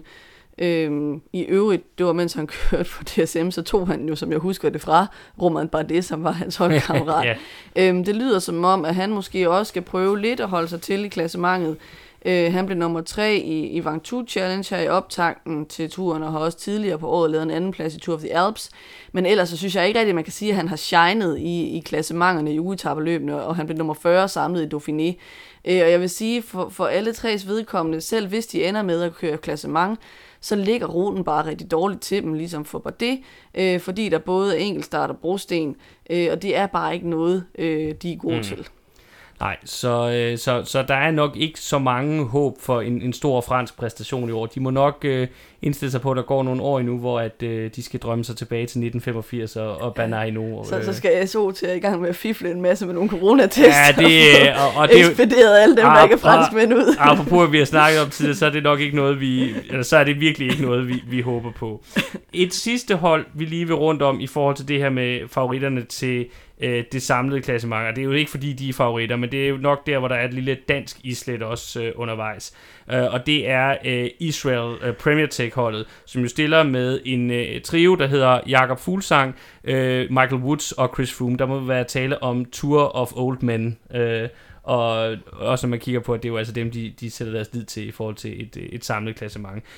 Situationen er nok den, altså Froome er vi jo meget enige om her i studiet, at ham tror vi ikke på. Det, det løb er kørt, han er færdig, det, det er en smuk gestus, at han er med, men vi skal ikke forvente noget af ham overhovedet. Så det er Fuglsang eller Butz, det skal komme fra. Men problemet er jo nok, at de to, begge to i vilden vil have bedre af at skulle jagte etapper. Det var nok noget, hvor de ville få et mere succesfuldt løb, hvis det var sådan, de kørte det. Problemet er bare, som vi talte om i vores sidste program, at Israel har bare brug for pointene, øh, som ligger i en, en god samlet placering i forhold til at... Øh, at, at overleve øh, på øh, World Touren, altså få lov at, at få en World Tour licens igen til næste år. Så jeg er bange for, at vi kommer til at se sådan et lidt låst løb fra Israel, hvor de prøver at køre et samlet klassement, men hvor at øh, øh, de rytter, der skal gøre det, i virkeligheden ikke, ikke kan være med, og så ender de måske med, med at blive placeret et sted mellem nummer 10 og nummer 15 så er vi faktisk ved at være nået til vejs ende i vores øh, store Tour de France optakt 2022. Som vanligt så vil vi slutte af med, at vi begge to kommer med et bud på, hvordan årets top 10 kommer til at se ud. Og jeg vil starte med at præsentere mit bud. Jeg er drønhammerende kedelig og regner med, at Tadej Pogacar han vinder Tour de France 2022. Det bliver i endnu en benhård slovensk duel med Roglic, som på trods af god hjælp fra Vingegaard ender med at måtte øh, strække gevær og trække det korteste strå igen og få endnu en anden plads, som han gjorde i 2020. Og så bliver podiet rundet af af Dani Martinez. Jeg tror på, at han øh, øh, helt bevidst kørte Schweiz rundt som en opvarmning, hvor han var hjælperytter, og så nu er klar til at i hvert fald prøve at gøre alvor af, af det her, de her ord om, at han også kan blande sig i turstriden, men jeg ser ham dog ikke kunne udfordre de to slovenere. Så regner jeg med, at Vlasov, som jeg også har været virkelig imponeret af i år, snupper øh, pladsen lige udenfor. Det er måske lige rutinen, og det er trods alt lidt dårligere borerhold, der gør, at han ikke øh, vipper Martinez af pinden. Jeg tror så meget på Vingegaard, selv i en rolle som nummer to, at han ender i top 10, og jeg tror, han bliver nummer 5. Øh, den bedste Bahrein-rytter, det bliver Hake, han får 6. pladsen. Øh, så tror jeg, at Quintana på rutine, stabilitet og så videre, får kørt en, en syvende plads hjem, øh, kører sig i form i løbet af, af de tre uger og får den arbejdet øh, i mål på trods af, af enkeltstarten. Så regner jeg med, at Ineos også har en mand med i top 10. Det skulle så være Adam Yates, som jeg igen tror mere på end Jaron Thomas. Jeg tror, at de dage, hvor Jaron Thomas kan, kan klare sig over tre uger, øh, det, de er talte. Altså det, det var en, en engangsforestilling der, da han gjorde det i, øh, i 18, da han vandt øh, løbet samlet. Lidt ligesom med Wiggins i, i 12, og jeg tror ikke på, at, at han har øh, øh, samme holdbarhed over tre uger som Martinez og Yates så øh, får vi den bedste franskmand i top 10 øh, på 9. pladsen, og det bliver endnu en gang Guillaume Martin, der på en eller anden mærkelig måde med noget jojo-kørsel og nogle udbrud og så videre, øh, får snuppet en, en øh, samlet 9. plads. Til gengæld så må han så lade øh, Pinot snuppe bjergtrøjen, og så vælger jeg øh, at give 10. og sidste øh, plads i, i top 10 til en god gammel dieselhakker, nemlig Louis Menches, øh, der fortsætter Rontis succesfulde sæson med at sikre, at de også får en top 10 placering i Tour de France. Det var min top 10. Hvordan ser du på det, Miriam? Jamen, jeg tror, jeg vil starte med lige at knytte en kommentar til min øh, top 10. Ja. Øh, og som er, at øh, i, i sidste program fandt jeg jo ud af, at øh, når vi laver vinderbud, så laver vi faktisk også konkurrence. Øh, så vi skal se, hvem der bliver bedst til at, at Det blev annonceret i det de tidligere programmer i år. Øh, pointsystemet blev ikke annonceret. Nej, det og det viser sig, at pointsystemet belønner øh, i Grand Tours øh, mest, at man kan ramme rigtigt inden for top 10. Så man kan sige, at... Øh, det, det gør ikke så meget, hvilken rækkefølge man lige får placeret dem i. Så jeg har valgt at øh, tage øh, klaphatten så langt ned over hovedet, at man hverken kan se eller høre, eller på nogen måde være modtagelig over for sund fornuft, og så siger jeg, at Vingegaard vinder Tour de France 2022. Øh, og det er selvfølgelig klart, wow. at det er, det er imod alle odds, fordi at Pogacar har da klart den bedste chance sådan på papiret for at vinde. Øh, men jeg vælger at sige, i et scenarie, hvor det virkelig lykkes øh, Jumbo Visma at køre på Pogacar på skift, der vil det kunne lykkes dem at få skovlen under ham. Han kører tør for batteri på den sidste enkeltstart. Vi ved, at Vingegaard han er den, der er, er rigtig god til at have noget i tanken til sidst i et løb. Jeg tror på, at han viser sig at være stærkere end Roglic undervejs. Vi kommer på et eller andet tidspunkt undervejs til at sidde i en situation, hvor Pogacar rykker, og både Vingegaard og Roglic skal prøve at gå med, og det kun er Vingegaard, der kan sidde på. Så får han lov til at være kaptajnen, og så til sidst får han skovlen under Pogacar. Det er opskriften på, at Vingegaard øh, vinder. Eller at Pogacar øh, ryger ud på corona. Men, er et land. Nå, ja. øh, så har jeg valgt at sige Pogacar som to og Roglic som, øh, som treer. Mm. Øh, og det har jeg jo så lige forklaret. Så har jeg faktisk valgt at sætte John Thomas på øh, som nummer 4. Og, og jeg kan godt øh, følge, øh, hvad du mener i forhold til, at han, øh, han måske... Øh, at det, at det ikke er så sandsynligt, at han kan lave et kæmpestort resultat i en Grand Tour øh, en gang til. Øh, jeg synes dog, jeg gerne vil påpege, at det var ikke en engangsting, fordi han har vundet i, i 2018, og han blev nummer to i 2019. Så han har jo faktisk back-to-back mm. lavet podier i øh, Tour de France. Point taken. Øhm, og jeg synes bare, at øh, Ineos er et sted, hvor de sådan er ramt af, at de ikke har deres egentlige Tour de France-kaptajn. Øh, Martinez og Yates har ikke haft optimal optakt. Det plejer at gå galt for Yates, når han skal køre klassement. Øh, Jaron Thomas har rutinen, og Jaron Thomas har en sindssygt god enkeltstart sammenlignet med de andre. Det er en god pointe. Øhm, og derfor har jeg valgt at sige, at de fire, der er i min top 10, det er alle sammen nogen, som har enkeltstarten som våben, og ikke som et sted, hvor de begrænser deres nederlag. Så har jeg valgt at sige, at Vlasov bliver femmer, synes virkelig, at han har haft en, øh, en god sæson, øh, og jeg synes, at hvis han bliver nummer 5 i Tour de France, vil det stadig være et niveau yderligere op. Mm. Det er jo ikke et podie, som er det, der vil være det naturlige næste skridt for ham, men øh, jeg synes egentlig på sin vis, at det er næsten lige så stort, hvis ikke større, at blive nummer 5 i Tour de mm. France, mm. der er så stjernebesat, som det er at blive nummer 3 i et mindre godt besat øh, Vuelta i Spanien for eksempel. Yes. Øhm, så har jeg valgt at sige, at Martinez bliver 6, og jeg tror, han kommer til at komme sådan lidt fra, fra bagkant måske undervejs i løbet. Synes, han ligner en, der måske er lige lidt efter øh, på formkurven. Så kunne jeg godt forestille mig, at det bliver sådan lidt ligesom i, i Giroen, øh, sidste år, hvor ja. Bernal vandt, og, og Martinez sådan undervejs arbejdede sig opad i klassementet. Så har jeg valgt at sige, at OC bliver syver. Jeg tror, det kommer til at være O'Connor. anderledes. Ja, O'Connor, undskyld. Øhm, bliver syver. Jeg tror, det kommer til at være anderledes for ham i år, fordi at folk ved, hvem han er. Øh, det er meldt ud på forhånd, at han er klassementskaptajn på, på holdet. Han kommer ikke til at få lov til bare at køre udbrud, ligesom han gjorde sidste år. Og det er bare nogle andre betingelser at køre under. Så har jeg valgt at sige, at Jack Hake bliver nummer 8. Jeg synes, han er en god rytter, der, der leverer stabilt hen over tre uger, men øhm, jeg ser ham ikke som en, der virkelig kan bide skære øh, med de andre. Øh, Mars har jeg valgt at sætte på 9. plads, mest fordi at han gerne skulle være i min top 10, så jeg kan få point for ham, hvis han, øh, han placerer sig i top 10. Øh, hen over tre uger, der plejer han at stabilisere det, hvis ikke han, øh, han bliver ramt af uheld. Øh, og så har jeg valgt at sætte bare det ind på en 10. plads, fordi jeg tror, han godt kunne finde på at køre noget øh, klassement, øh, også for at, at holdet mm. har øh, et klassement. Det var vores to top 10 bud. Så plejer vi egentlig at øh, lukke programmet her, men nu er det jo historisk det her. Det er et Tour de France, der starter i Danmark. Det er første gang, det nogensinde sker, og vi ved ikke, om det nogensinde kommer til at ske igen. Så i den øh, ånd er det øh, meget fair, hvis vi lige bare hurtigt gennemgår, jeg til allersidst, øh, hvilke danskere det rent faktisk der er, der kommer til at være til start på hjemmebane i København øh, på fredag. I skrivende stund er der ni stykker, øh, så vidt vi er orienteret, der er klar på, på startlisten. Yes, altså vi kan jo starte med Vingegård, som vi allerede har talt en masse om, så der synes jeg ikke, vi behøver at sige så meget mm. mere, end at øh, ham regner vi med at se øh, virkelig gøre sig gældende i klassementet. Lidt det samme med Mads Pedersen, ham har vi allerede talt om, Øh, vi regner med at se ham blande sig i, i masse spurterne, men udover det, så tror jeg heller ikke, der er nogen tvivl om, at han kommer til at være topmotiveret for at brænde en rigtig god enkeltstart af øh, på den første etape. Øh, jeg tror ikke på, at han kan vinde den, men øh, det, der nok vil være hans mål, det er at komme inden for måske en, en 10 sekunder, sådan at bonussekunder vil være nok til, at han kunne komme øh, i den gule trøje, eller så tæt på, at hvis der er sidevind, øh, så kan han vinde den gule trøje på den måde efterfølgende, så han rent faktisk kommer til at kunne øh, iføre sig den gule trøje undervejs øh, øh, mm. på dansker-etapperne. Øh, og så tror jeg også, at vi kommer til at se, at Mads Pedersen sammen med holdkammeraten Jasper Støjvand vil vise sig frem på brostensetappen. Øh, så han kan virkelig komme til at spille øh, en nøglerolle i årets Tour de France.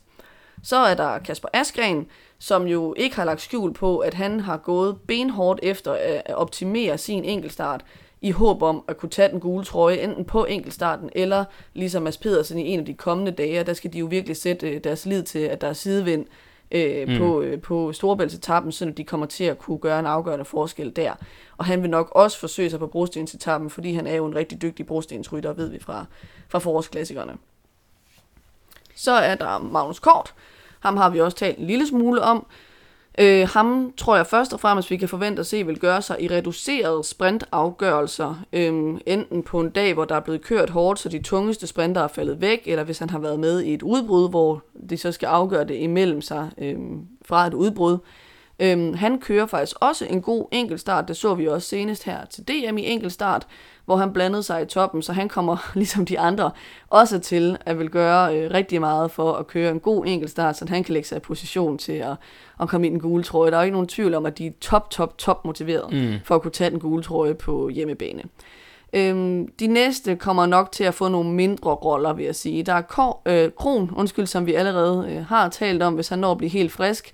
Vi kan vente og, og se ham gøre sig i udbrud på kuperede etapper. Der er Fuglsang, som vi har talt om, som nok burde køre efter bjergetapper, men kan ende med at, at skulle prøve at køre noget klassement for sit hold. Så er der Michael Mørkøv, som kommer til at køre lead-out for Fabio Jacobsen på Quickstep. Så er der Mikkel Bjerg, som først og fremmest får en nøglerolle som hjælper for Pogacar i det fladere terræn og på brostenene. Så er der Christoffer Juhl Jensen, som virkelig kommer til at indgå i sådan en benhård øh, hjælperytterrolle øh, på Bike Exchange. Øh, og så øh, synes jeg, vi også lige skal nævne, at Michael Valgren nok ville have været at finde på startstregen, hvis ikke det var, fordi han havde haft et rigtig slemt styrt lige her i optakten, som desværre holder ham ude af turen. Nu er ventetiden snart forbi. Siden det i 2019 blev officielt, at verdens største cykelløb skulle starte i Danmark, er vi mange, der har glædet os længe og inderligt til dagen på fredag. Det bliver dansk sportshistorie uanset hvad, så må vi blot krydse fingre for, at det også bliver en god oplevelse, og at det fantastiske Tour de France, som vi alle håber på, at det bliver. Nu er vores opvarmningsløbet i hvert fald overstået, og vi vil endnu en gang opfordre til, at hvis du synes om det, du har hørt, så må du meget gerne gå ind og give os en femstjernet anmeldelse i den podcast-tjeneste, du benytter dig af, så kan det jo være, at vi kan komme ud til endnu flere lyttere. Det røde felt er en del af sportsuniverset The Red Zone, der også indeholder bloggen theredzone.dk, hvor du blandt andet kan finde links til vores programmer, samt artikler om en anden fed sportsgren, nemlig amerikansk fodbold og NFL. Her bevæger vi os så småt ind i sommeren med træningslejre, og det betyder jo, at der snart igen er amerikansk fodbold af højeste kvalitet i tv-skærmen efter sommerferien. Vi vender snart tilbage fra det røde felt side, om ikke før, så i hvert fald efter turen med en grundig opsamling på dette forhåbentlig historiske løb. I denne omgang har du lyttet til mig, jeg hedder Peter Krohmann Brams, og med mig i studiet har jeg haft mere om Krohmann Brams. Vi lyttes ved.